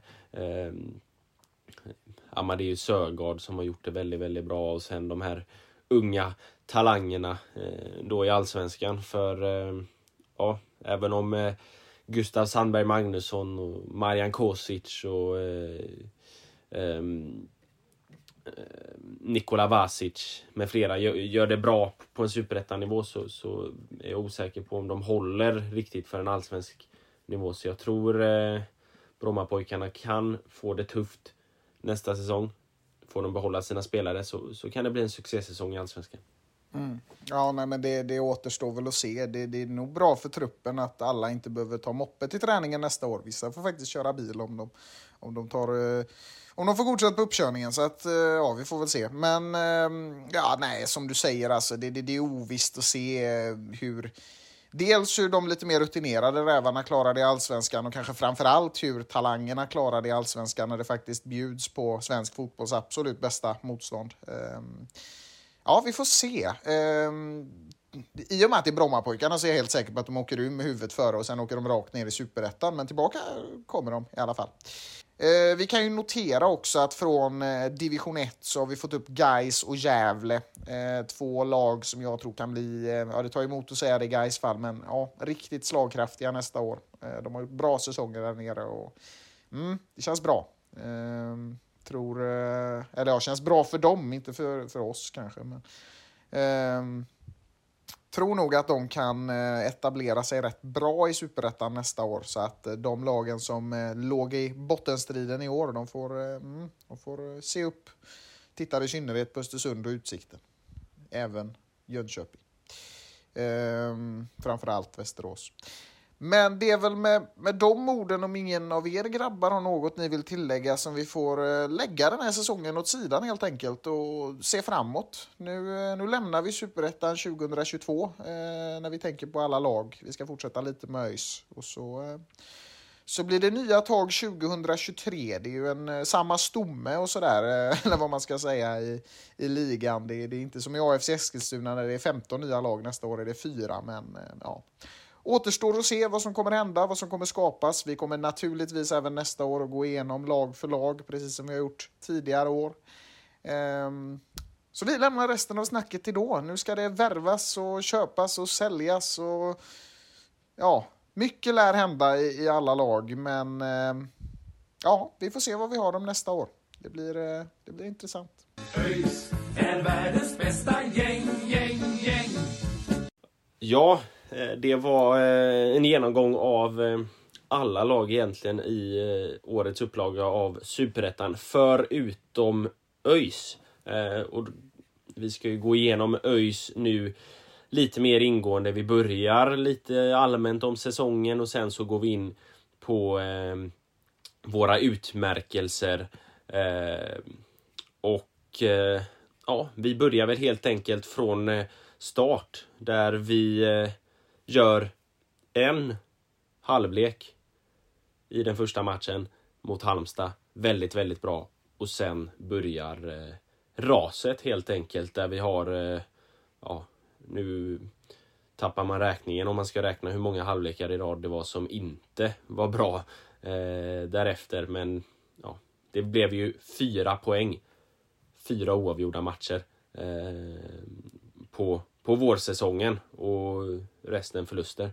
Eh, vilket ledde till att eh, huvudtränare Dane då fick, fick gå eh, efter förlusten, eller efter den oavgjorda matchen mot Norrby i omgång eh, sju var det va. Eh, och sen kom Brynjar in och fick två oavgjorda men ja, eh, under vårsäsongen där på slutet. Eh, ja, vad har ni att säga om vårsäsongen? Inte så mycket antar jag. Ja, det är egentligen två ord. Eh, fy fan. Eh, det var, eh, nej det var jävligt alltså. Fy fan vad jävligt det var. Man var ju så exalterad inför. Jag, jag minns att jag stod och filosoferade i mina skidliftar som jag jobbade i den tiden om hur fantastisk superettan 2022 skulle bli och hur fantastiskt vårt äventyr skulle bli 2023 i allsvenskan. Men under våren så blev ju liksom allting mer och mer avlägset och någonstans precis innan Dane fick gå så var det liksom som att man hade en stor klump i magen inför och efter varje match. Det, det gjorde verkligen ont att titta på ÖIS. Ehm, och även om våra spelare kämpade så gott de kunde så så var det väl egentligen skit rakt igenom alltså. Det var nej, det var otroligt tråkigt och man eh, fotbollsmässigt så mådde man fan inte bra alltså. Det var, nej men du vet, man, man liksom går där vecka efter vecka och till slut så märker man att fan det här vänder ju inte liksom. Vi, vi har inget hopp kvar. Det, det, är som att, det är som att vara på en båt som har sjunkit så långt så att man vet att man kommer hamna i vattnet. Eh, och det, det är nog ingen bra känsla. Eh, nej, fy fan alltså vilken jävla vår det var. Eh, men det var en bra första halvlek mot Halmstad. Ja men precis, jag, jag har väl inte något annat att säga än att hela vårsäsongen bara var mörker och ångest eh, om man, om man ska vara krass. Eh, det var, det var både på och utanför plan. Eh, liksom, ja men jobbigt och, och, och att följa ÖIS. Eh, det var ja, men förvirrat där. Vad, vad kommer hända med Dane? Eh, vad hände med Igor? Eh, allt det där, det var ju en, en vår av kaos. Och, och sen ska jag inte uttala mig allt för mycket men, men det kanske på ett sätt var vad vi behövde, någon slags sån wake-up call och ruska till oss ordentligt och omorganisera lite för onekligen har det ju gått bättre sen Brynjar kom in. Ehm, men, eh, men en fruktansvärd vår. Jag har inget annat att säga. Mm. Ja men eh, så är det och, det blir ju mer omorganisering framöver. Vi söker en klubbchef och en, en chefscout som vi får anledning att återkomma till vilka det blir. Ehm, men det som jag tycker gör liksom ändå gör att våren inte blir sådär, nu är den ju katastrofal, men att den inte liksom avgrundsdjup, liksom bottenlöst usel. Det är ju att Aydin ändå gör det han ska. Han gör en hel del mål under den här vårsäsongen och det är ju det som lite grann räddar upp den. Ehm, även Sargon gör en del mål eh, sådär framförallt i inledningen. Två mål mot, mot Halmstad och ett mot eh, AFC va, om jag inte minns, minns fel. Ehm, men ja, efter den här eh, vårsäsongen, en tredjedel av säsongen hade gått. Vi hade fortfarande inte vunnit en enda match och vi låg tvärsist. Eh, då, eh, då var det mörkt. Men sen kommer eh, eh, Brynjar in. Vi får ett litet uppehåll, en träningsmatch där vi faktiskt gör det bra mot blivande svenska mästarna Häcken. Spelar 2-2 där. Eh, och, och, det känns som man får, får lite mer energi in i i truppen. Eh, första segern kommer hemma mot Örebro. En helt fantastisk match, helt makalöst att få känna på den första segern. Sen att den kommer i juli, det är ju helt, eh, helt bisarrt. Men, men ja, det, var, det var otroligt skönt och därefter så lyfte vi oss. Och, och under, ja, bortse, under höstsäsongen så är vi faktiskt fyra i tabellen och gör en väldigt, väldigt stark höst. Eh, så, ja, från det här mörkret så blir det ändå ljusare och ljusare. Sen så, så gör ju tyvärr den här inledningen då att vi eh, harvar där i botten hela hösten. Eh, men, men om vi börjar lite med, med, med sommaren där. Vi hade vi hade ju segern mot Örebro och sen så, så gick det några matcher, bland annat den som, som du åt, eh, har pratat om ett par gånger där, eh, Love-matchen borta mot Skövde där vi förlorade. Men sen kom vi in i ett ganska bra stim. Det var en hel del matcher i rad utan eh, förlust. Eh, tre segrar i rad och sådär. Eh, ja, vad, vad, säger ni om den perioden när vi hade en eh, sju, åtta matcher i rad utan förlust?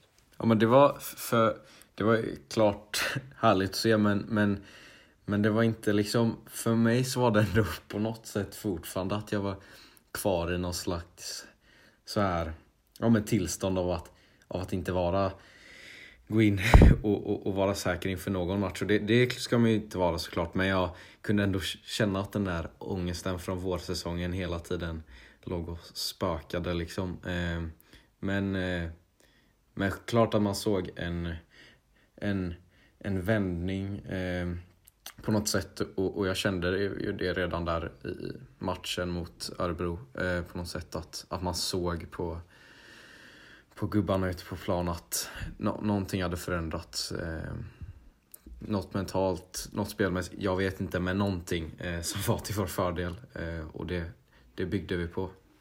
Ja, eh, någonstans känns ju det här när vi pratar om det här som en djupdykning i en bitter mans memoarer, men eh, alltså. Det är klart att på den här tiden så såg jag Brynja lite som en gatlampa på en tom väg. Han liksom, det var fortfarande jävligt mörkt, men han lyste ju ändå upp lite och fan, det började hända lite grejer och det kändes som att ja, nu rullar ändå bussen lite grann alltså. Nu är vi ändå på väg mot någonting, men vägen upp var så himla lång så att slutdestinationen kändes väldigt svår att nå. Ehm, det var liksom... Det är klart att man hade väl en bra känsla när vi tog de där eh, skalperna som vi tog. Jag tänker framförallt matchen mot Örebro och man var ju glad när Höjs vann, det är man ju alltid. Men, men någonstans så kändes ändå liksom strecket ovanför kval nästan omöjligt att nå. Liksom. Vi, vi var så himla långt ifrån. Och, det kändes ju verkligen inte som att vi skulle komma dit i slutet av dagen. Liksom. Det blev någon vinst och så gick det lite sämre och då tappar man hoppet igen. Liksom. Men det är klart att man noterade en förändring när Brynja kom. Jag tänker framförallt på att vi gick från trebackslinje till fyrbackslinje. Eh, det blev verkligen någonstans en vändpunkt för oss. Eh, det märktes att det funkade mycket bättre och Sangri och Asolai kom liksom upp i den nivån som de faktiskt besitter igen efter att ha inte alls fått ihop det när det var trebackslinje av förklarliga skäl. Det, det var ett spelsätt som inte fungerade i mer än ett halvår i Superettan. Eller ett år då kanske. Ehm, men någonstans, alltså ja visst. En strimma av hopp men fortfarande ett enormt mörker. Ja men absolut, men, men sen när vi hade de här tre raka segrarna. Först Örebro borta och sen vändningen mot, mot Dalkurd och sen den fantastiska matchen mot Norrby. Där började det ändå gro någon form av hopp tycker jag. Eh, Verkligen, då kändes det som att vi var på väg igen. Ja, eh, för att bara sen raseras i eh, kupp i Svenska cupen matchen mot, mot Onsala och därefter var det tre raka förluster och, och det liksom det här som kändes att ja, men nu är vi på väg tillbaka. Det bara liksom dog med en gång. Sen eh, hade vi en ganska stabil eh, avslutning här ändå. Eh, men det gick inte hela vägen. Det blev kval och, och, det var vi inne på i förra podden. Det var ett helt när vi, när vi intervjuade eh, kvalkungen Alex. Eh, att det var ett helt sanslöst kval. Men eh, ja, Eh, hur som helst, liksom att vi, att vi når den här kvalplatsen efter den usla inledningen tycker jag ändå liksom är någonstans så är det det är okej okay, och vi gör en okej okay andra halva på, på säsongen. Sen så ska vi ju inte sätta oss i den situationen från början så det blir ju liksom en väldigt underkänd säsong som helhet. Men eh, andra halvan tycker jag att vi kan, kan vara nöjda med och framförallt så är det väldigt skönt att spela Superettan 2023. Ja men verkligen. Eh, och det är ju en vändning som kommer där mot eh, Norrby. Nu var jag nog lite... Blandar jag ihop matchschemat lite här så ska jag erkänna för dig, men mot Norrby kände man ju ändå att vi hade potentialen att klara det här. Liksom. Det kändes som att fan, vi är ju alldeles för bra för att vara här nere. Sen kom ju Onsala-debaclet och det vill jag faktiskt inte gå in på. Eh, och det kom fler och fler debacle. Eh, hopplösheten när vi torskade mot Östersund hemma kändes enorm. Då var det liksom, där gick tåget kände jag. Men, men sen vann vi helt plötsligt med 4-0 mot Brage. Vi vände en match som var helt galen mot Halmstad. Vi knep poäng mot Jönköping, det var inte så bra, men sen knep vi en poäng till mot Öster. Sen slaktade vi Skövde med 3-0 och sen blev det götråkigt när, när de åkte till Stockholm. Ehm, men sen så kom ju det här kvalet som någonstans var så nervöst att det känns som att det var hundra mil bort redan. Ehm, minns fortfarande känslorna inför Sandviken. Det var, det var en känsla som jag i mitt liv som fotbollssupporter mer eller mindre aldrig upplevt. Eh, en känsla av att fallet kommer bli hårt. Riktigt jävla hårt om, om vi inte lyckas hoppa över den här eh, klippan. Um, så att, eh, ja, där och då var det ju hopplöst. Men sen vann vi första matchen mot Sandviken och då kände man liksom yes, fan vad gött gubbar, vi klarar det här. Och sen vann vi eh, första, match, eller första halvlek i andra matchen mot Sandviken och då tänkte man fan vad gött, nu, nu ska jag springa upp och ta en öl här på, på kiosken. Sen vände Sandviken och då satte man hela jävla ölen i halsen. Men sen kom Alexander Ahl Holmström och då blev man så glad så att då köpte man en till öl. Nu vet ju vi att du inte köpte någon öl Sören. Nej men det är liksom, det, det är ju, eh, vad säger man, metaforiskt. ja, jag och Marcus var ju faktiskt uppe i kiosken och, och köpte oss lite grejer så... Ja, vi missade ju två mål där. ja men öl köpte ni inte. Nej men det, det var, det var en metaforisk koppling grabbar, gå vidare nu. Jag dricker inte öl på fotbollsmatcher, jag tappar fokus då. Ja, nej men eh, precis och, och jag hade inför snackat lite om, om, om det här liksom att så här. Ja men, eller inför andra matchen då. Eh, ja men vi kommer med 2-0. Eh, eh, och jag, jag känner mig säker. jag, det var inte först förrän på vagnen på väg eh, ner mot Gamla Ullevi som ångesten började krypa tillbaka. Eh, och eh, sen så vaggades man in i tryggheten igen. Eh, där första halvlek och sen kommer en riktig jävla käftsmäll. Eh, men det är väl det är väl lite det ÖIS är och det är väl lite det superettan är nästan på något sätt. En jävla jojo. Eh, man vet aldrig vad man har eh, ÖIS riktigt så. Eh, och det kan gå lite hur som helst. Först slår man eh, serieledarna och, och, och sen eh, Sen gör man en, en dålig match eller först är man inne i, i, ett, i ett stim som ser hur fint som helst ut och sen, sen, sen torskar man mot Onsala liksom. Eh, det, det är väl på något sätt talande för, för ÖIS och, och för Superettan.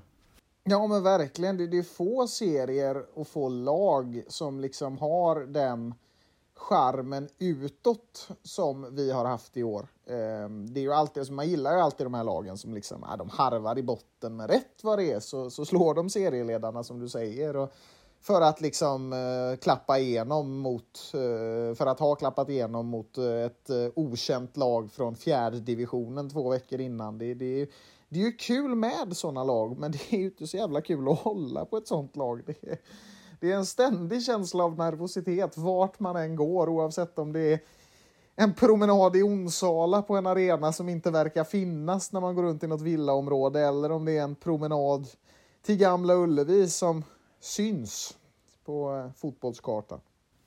Ja men så är det liksom och, och ska vi gå in lite på, på vad vi behöver göra nästa säsong så är det ju att hitta en stabilitet. Vi behöver framför allt undvika att få en sån fruktansvärt dålig start som vi nu faktiskt har fått tre år i rad.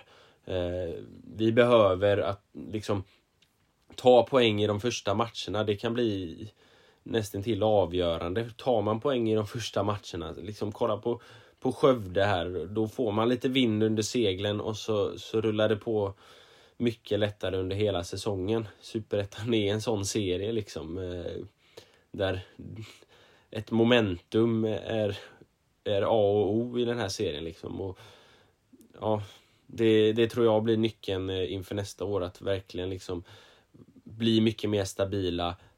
Ta poängen i början. För då, då kommer det rulla på mycket mer av sig själv.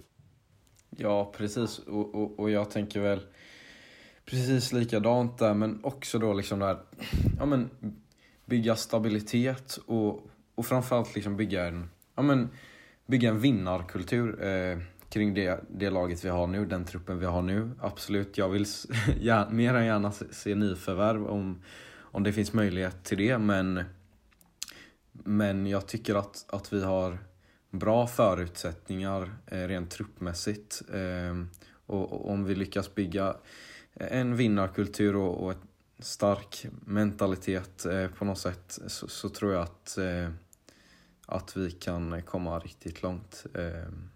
Sen ska jag inte ropa hej innan, innan nästa säsong och, och slå på den stora trumman men, eh, men ja, eh, vi får se helt enkelt. Nej, men alltså jag, jag tror att liksom kan vi bygga vidare på det som vi har haft här nu med Brynjar och haft här nu under andra halvan av säsongen där vi faktiskt är tvåa i tabellen så kan vi gå en väldigt fin säsong till mötes nästa år. Sen, sen att det ska liksom leda hela vägen till, till allsvenskan, det, det vågar jag inte sitta här och säga. Men, men liksom jag, jag tror ändå någonstans att liksom, som du säger Love, får vi in liksom lite mer vinnarkultur, lite mer jävlar anamma i, i, i laget och, och omkring laget och liksom i, i, också mm, på läktarhåll liksom i hela, hela föreningen så, mm, så tror jag att det kan bli riktigt, riktigt bra. Då kan vi göra en, en bra säsong nästa år och ha någonting att bygga på inför, inför året efter det också. Eh, mest av allt hoppas jag att vi är före guys. Jag hoppas vi vinner mest av allt. För då är vi före guys. ja, jo, i och för sig. Men, men om, vi, om vi nu säger att vi kommer sexa eller sjua eller något sånt där. Då hoppas jag att guys är längre ner. Helst av allt så ska guys komma sist såklart. Helst ska vi vinna, guys ska komma sist. Och Jönköping ska komma näst sist. ÖIS är världens bästa gäng, gäng, gäng. Vi gör väl så nu då att eh, vi går in på eh, den stora finalen. Öysnack Awards 2022. Eh, där har vi ett antal eh, kategorier där vi har eh, eh, nominerat eh, varsin spelare. Vi har väl säkerligen samma spelare på, på några av de här kategorierna. Ehm, eh, men eh, där vi, vi har nominerat årets bästa spelare i den kategorin i ÖIS, givetvis. Vi sysslar inte med något sånt för några andra lag här. Ehm, men, men vi börjar väl helt enkelt med eh, den första kategorin. Årets målvakt och ehm, Även om eh, Sixten Molin stod några matcher i början så kan det ju inte bli något annat än Robin Wallinder som gör en eh, fantastiskt stabil höst och växer ut till eh, en riktigt stark superettamålvakt.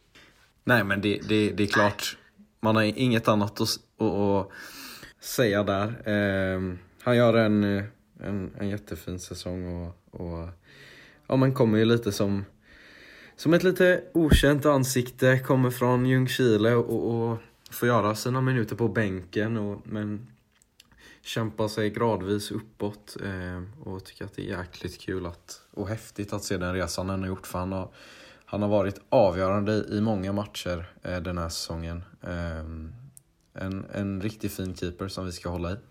Ja, men verkligen. Eh, han eh, etablerar ju sig liksom i superettan och etablerar sig framförallt i ÖIS på ett fint sätt. Och, eh, tycker han har varit en stabil klippa under en ganska ostabil säsong, för att säga det minsta. Eh, så bra jobbat Robin och jag hoppas han är kvar.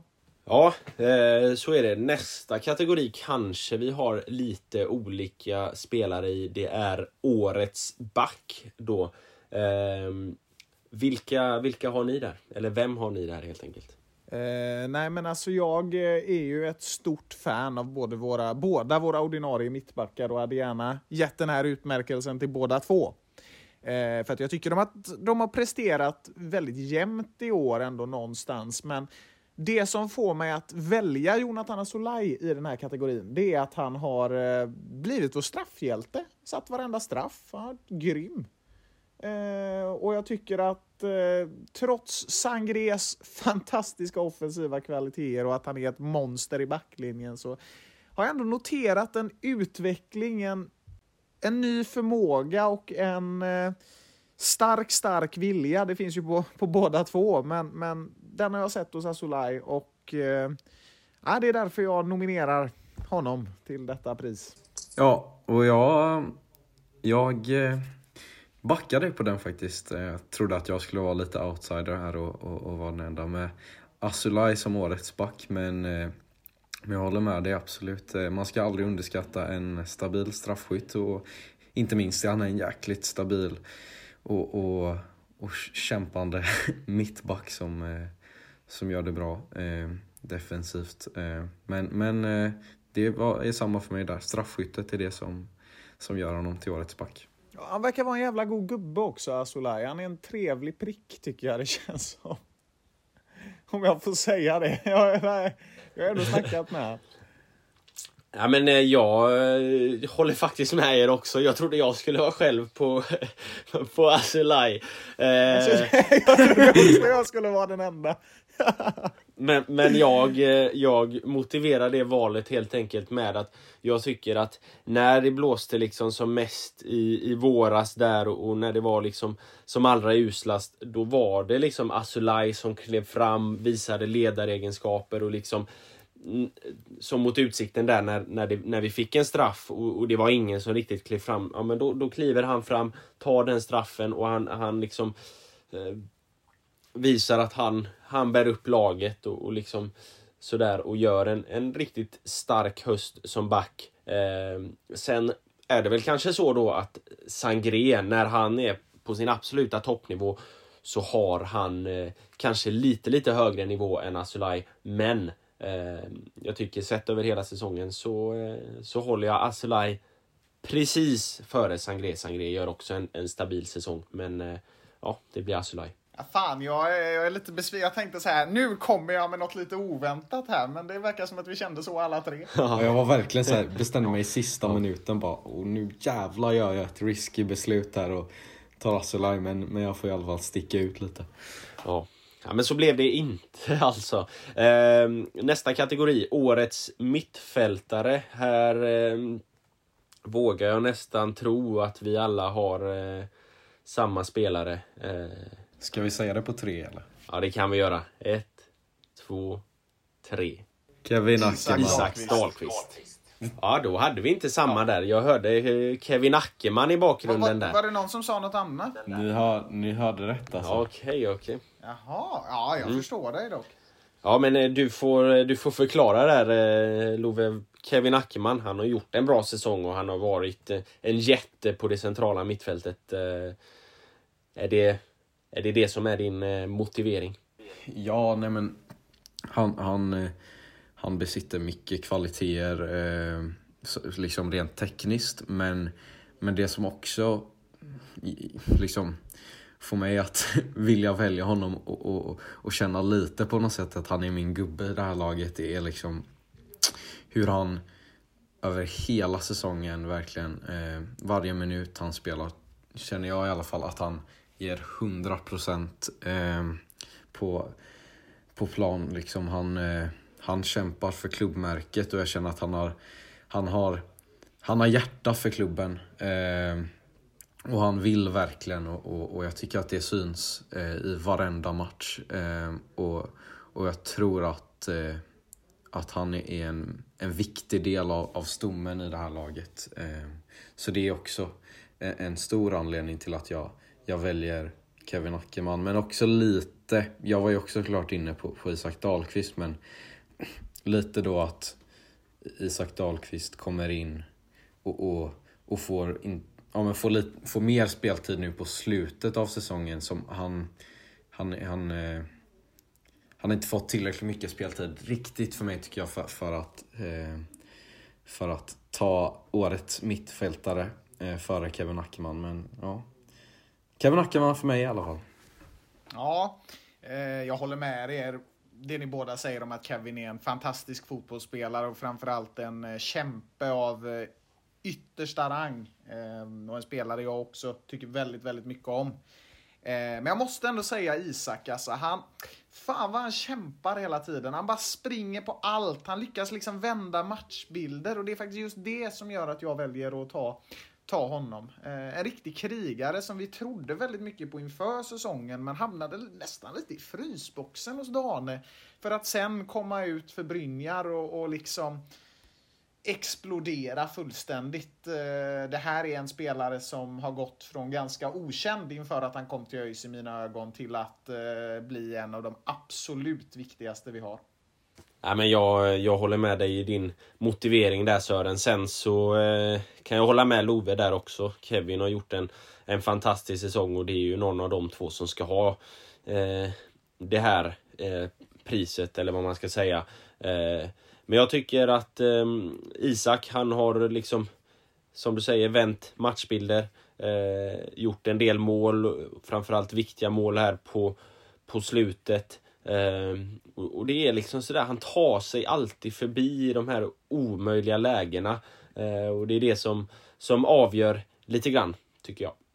Nästa kategori är årets eh, anfallare. Eh, om vi börjar med eh, Sören där då. Vad har du där? Ja, men det är ju en jättesvår kategori i och med att alla har fått ganska lite speltid beroende på lite olika grejer. Herman och Viktor Lundberg kom ju in ganska sent och Sargon var med mycket, eller ja, ganska mycket i början men blev skadad rätt tidigt. Och Holmström har inte riktigt fått chansen och, och eh, Bärkroth har åkt ut och in och varit skadad. Men jag måste ändå faktiskt säga Niklas Bärkroth. Jag tycker att när han är på sin högsta nivå så är han Superettans absolut bästa spelare. När vi får se det bästa av honom så är han en gigant. Och får han hålla sig skadefri nästa år så eh, kan det bli faktorn som tar oss hela vägen till eh, allsvenskan. Så lite spretig kategori får jag faktiskt säga. Det kan jag inte anklaga någon av spelarna för egentligen, för det, det är andra omständigheter liksom som har lett till det här. Men eh, det blir, det blir Niklas Bärkroth till slut. För ja, det kan slå gnistor om honom på ett ovanligt sätt. Ja men eh, där hade jag faktiskt skrivit ner samma. Eh, satt och funderade på det länge. Ja men ja, svårt att välja helt enkelt. Men, eh, men, men Niklas Bärkroth eh, med tanke på, på den spets som han ändå har visat när han har varit skadefri. Eh, så där backar jag dig. Ja, jag har eh, inte Niklas Bärkroth. Jag har nog till och med en spelare som ni kanske inte ens har tänkt på. Det är Aydin Selkovic som ju under hösten här inte har varit med i ÖIS men som gjorde väl en... Eh, gjorde han åtta eller åtta mål va, innan, eh, innan han lämnade. Eh, och, och blir ju med det skyttekung i, i ÖIS och då tycker jag att även om han inte finns med under hösten så tycker jag att han, han ska ha årets anfallare för han gör, gör flest mål och gjorde en, en var den enda egentligen i, i ÖIS som visar upp någon form av eh, hög nivå under våren. Ja, eh, jag var inne på samma spår som dig där Marcus. Eh, jag tog inte Aydin av anledningen att jag tänkte att jag, jag tar en öjsare som, som är med nu. Så jag, jag står faktiskt fast vid Berkerot, men jag är ändå enig med dig ändå någonstans. Ja, jag, jag förstår ditt resonemang men, men jag, jag håller också på Bärkroth. Nästa kategori eh, som vi går in på då, det är årets eh, genombrott och eh, där kan jag inte tänka mig att ni har någon annan än Isak Dahlqvist som, som vi sa innan, var i frysboxen stora delar under eh, våren men som under hösten här har briljerat stort och fått egentligen sitt stora genombrott på seniornivå. Visst, han har hoppat in och, och gjort det bra i, i IFK tidigare, men nu har han verkligen presenterat sig på, på den stora scenen i, i svensk elitfotboll. Du, eh, du har faktiskt fel, kan jag erkänna. Eh, jag har inte tagit Isak. Jag tycker Isak har varit eh, fantastiskt och, fantastisk och förvånande. Men tittar man på försäsongen så var man ändå lite förberedd på att det här kunde hända. Sen är det ju oavsett ett gigantiskt genombrott. Men Nej, jag måste faktiskt slå ett slag för eh, Arvid Brorsson i det här. Ehm, även om det inte är en spelare som liksom har varit dålig tidigare. Alltså han har alltid varit bra Brorsson. Liksom. Han hade lite tyngre i fjol och, framförallt i början av säsongen. Men sen så valde Brynjar att sätta honom som defensiv mittfältare och det blev en helt ny spelare. Eh, vi skojade ju om att det här var årets värvning liksom. Ehm, och jag kan inte annat än att stå fast vid det. Eh, jag tycker att Arvids utveckling har varit kolossal. Han har dessutom fått göra något helt nytt. Han har liksom blivit en ny fotbollsspelare som har varit otroligt bra. Eh, så med kärlek och respekt till Isak Dahlqvist så måste jag ändå säga att nej, det blir Arvid Brorsson. Ja, och jag, jag satt faktiskt och vägde lite mellan de här två inför, men, men eh, jag kände väl ändå att Isak Dahlqvist var den jag var tvungen att ta. Eh, ja, men, ung spelare eh, som, som ändå hamnade i frysboxen, eller vad man ska säga, eh, ett tag under säsongen. Kommer nu andra halvan och, och, och är en av våra absolut viktigaste spelare. Och som ni var inne på, liksom kan, kan vända matcher helt och hållet. Och, och, och för mig på något sätt så, så har hans, eh, det, hans kvaliteter bidragit snäppet mer eh, till, till ÖIS form än Arvid Brorsson. Ja, jag köper ditt eh, resonemang där Sören, men det för, väl, det för väl oss in lite på, vi velade ju lite där om vi skulle ha med årets sensation eller inte, men där är jag, är det tveklöst så att jag tycker att det är Arvid Brorsson. Han, han har gjort en, en bra, liksom, han har inte riktigt slått igenom på det sättet som Isak har gjort tycker jag, men han är definitivt årets sensation som har liksom höjt sig en nivå när han kom in där på det centrala mittfältet och, och liksom eh, på ett nästan sensationellt sätt gjort det väldigt, väldigt bra under hösten. Ehm, så årets sensation, där sätter jag Arvid Brorsson. Men årets genombrott, nej, Isak Dahlqvist. Ja, nej, men jag, jag förstår resonemanget. Sen, sen håller jag ändå fast vid min poäng om Arvid där, men eh, jag förstår ju helt klart hur ni tänker. Um, men årets sensation, ja, ja, där håller jag fast min motivering och den skyddar jag med näbbar och klor. Det är Arvid Brorsson. Ja, eh, nästa kategori är eh, årets eh, värvning. Eh, och eh, ja, för tredje gången idag så eh, ger jag den till Isak Dahlqvist. Ja, det, det är en eh, prisbelönt spelare, men eh, jag kan inte annat än att hålla med. Han är årets bästa nyförvärv. Han har gjort det klockrent. Ja, och, och, och jag är med där eh, till 100 procent. Eh, han ska få all den beröm han förtjänar och, och det ska han få som årets värvning. Men jag skulle ändå också vilja bara lyfta ett finger för, eh, för Niklas Bärkroth. Även, även fast ja. han inte har, har, har fått eh, möjlighet till att visa sin, sin eh, kapacitet i och med att han har varit så skadedrabbad som han har varit. Men, men i, i liksom... Han, han, är...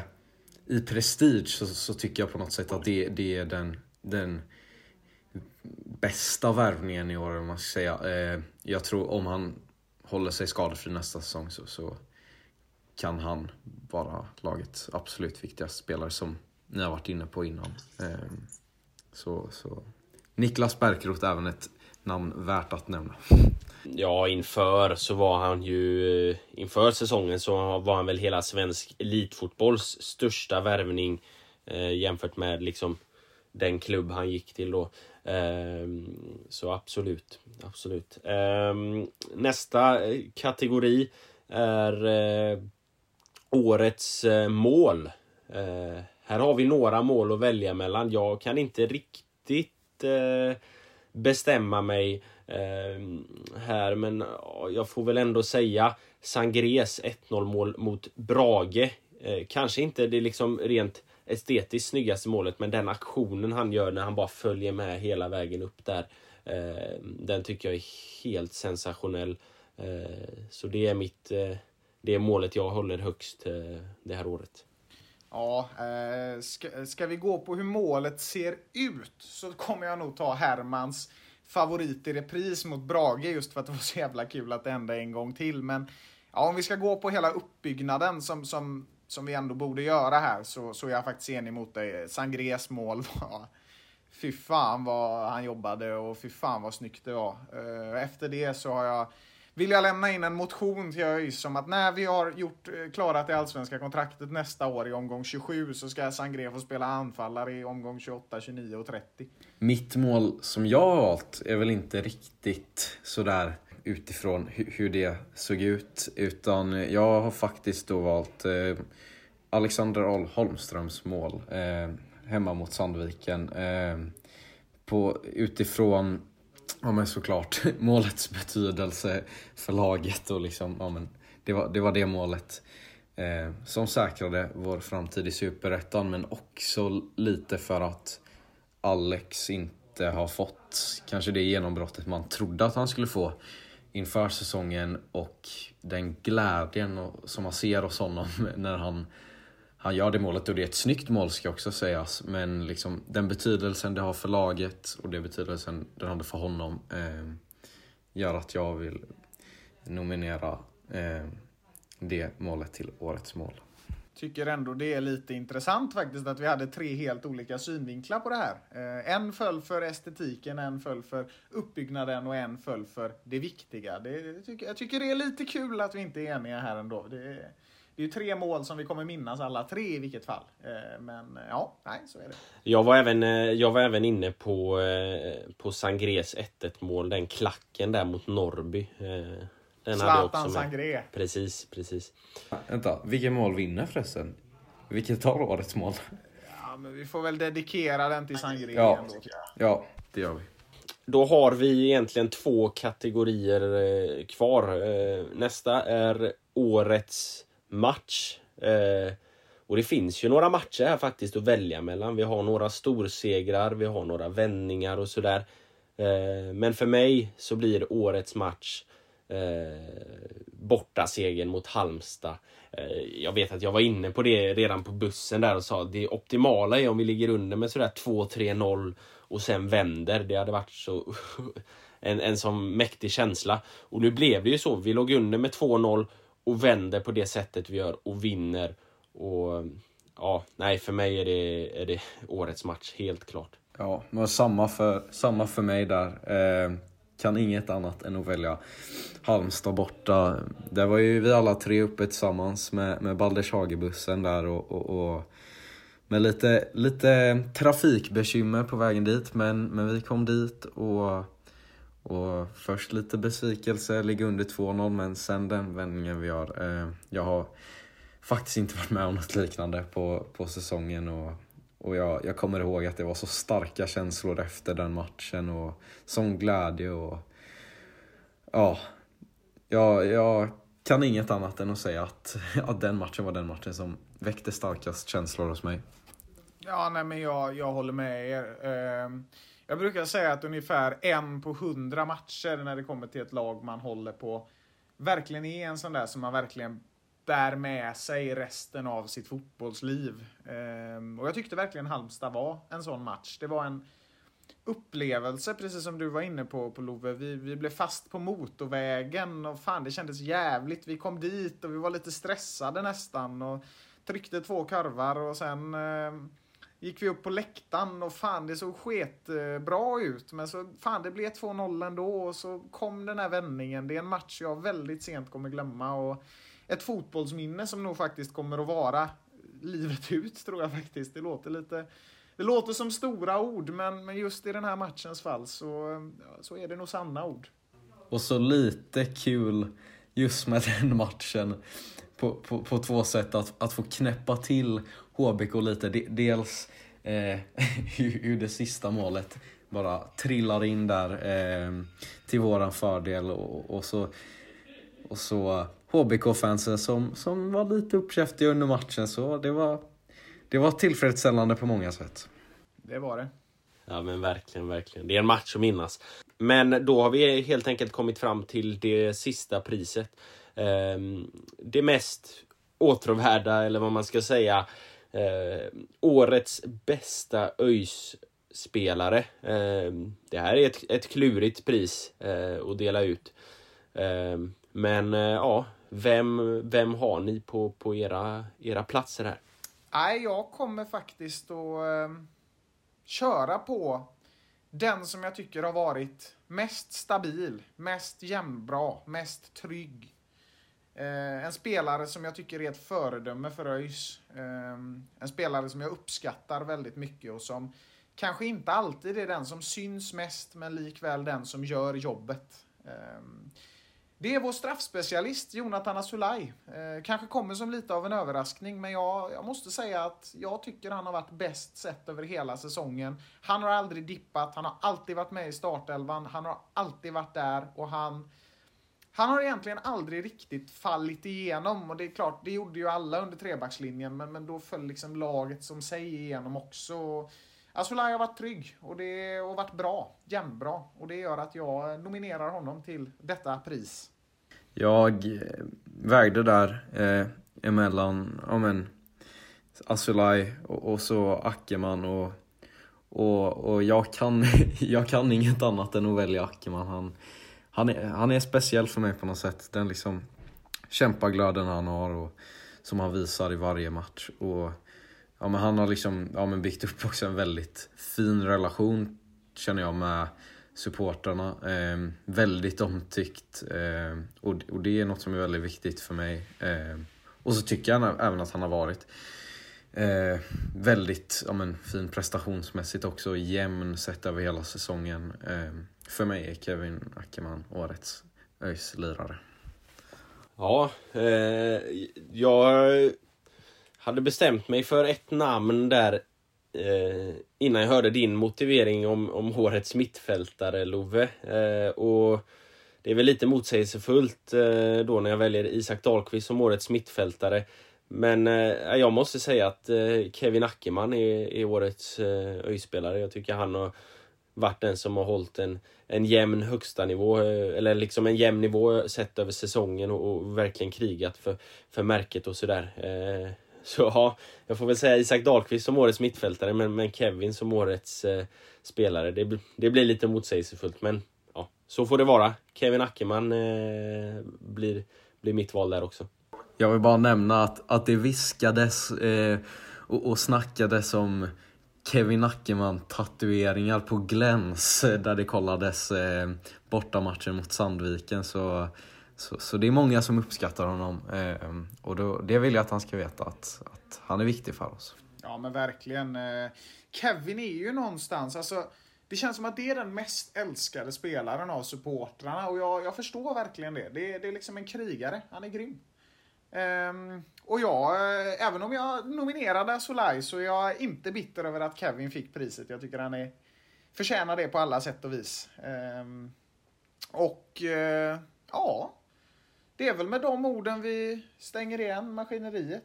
Det som får bli priset för Kevin det är att uh, vi lägger fram ett nytt kontrakt till honom så han får signa på.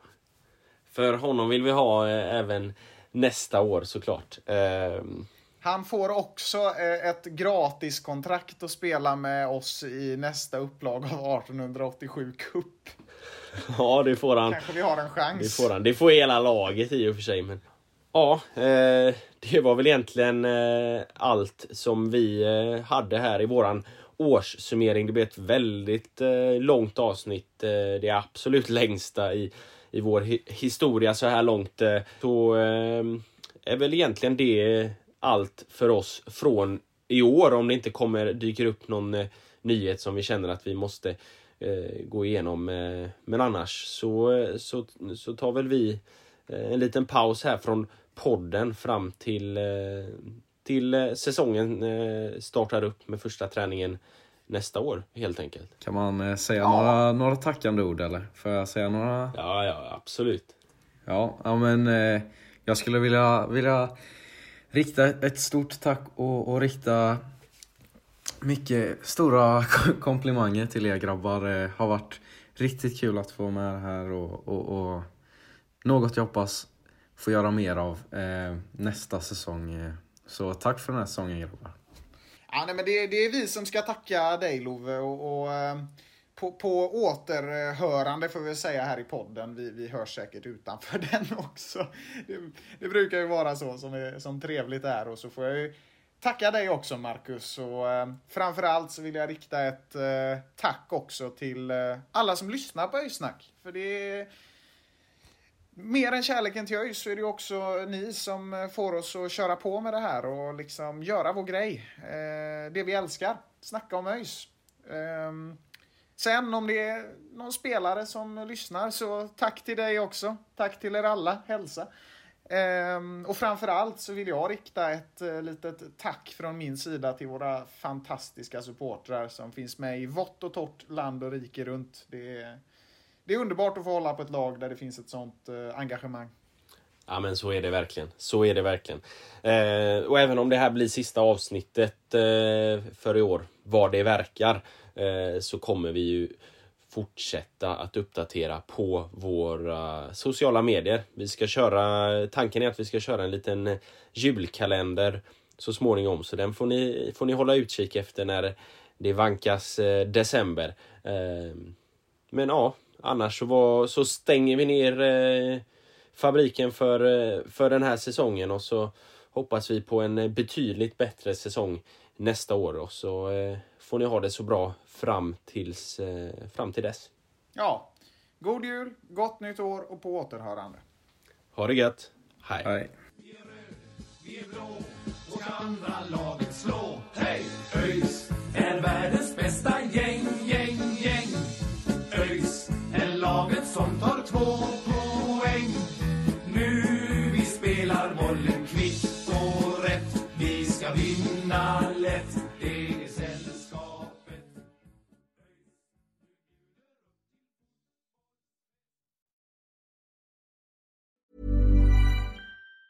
Even on a budget, quality is non-negotiable. That's why Quince is the place to score high-end essentials at 50 to 80% less than similar brands. Get your hands on buttery soft cashmere sweaters from just 60 bucks, Italian leather jackets, and so much more.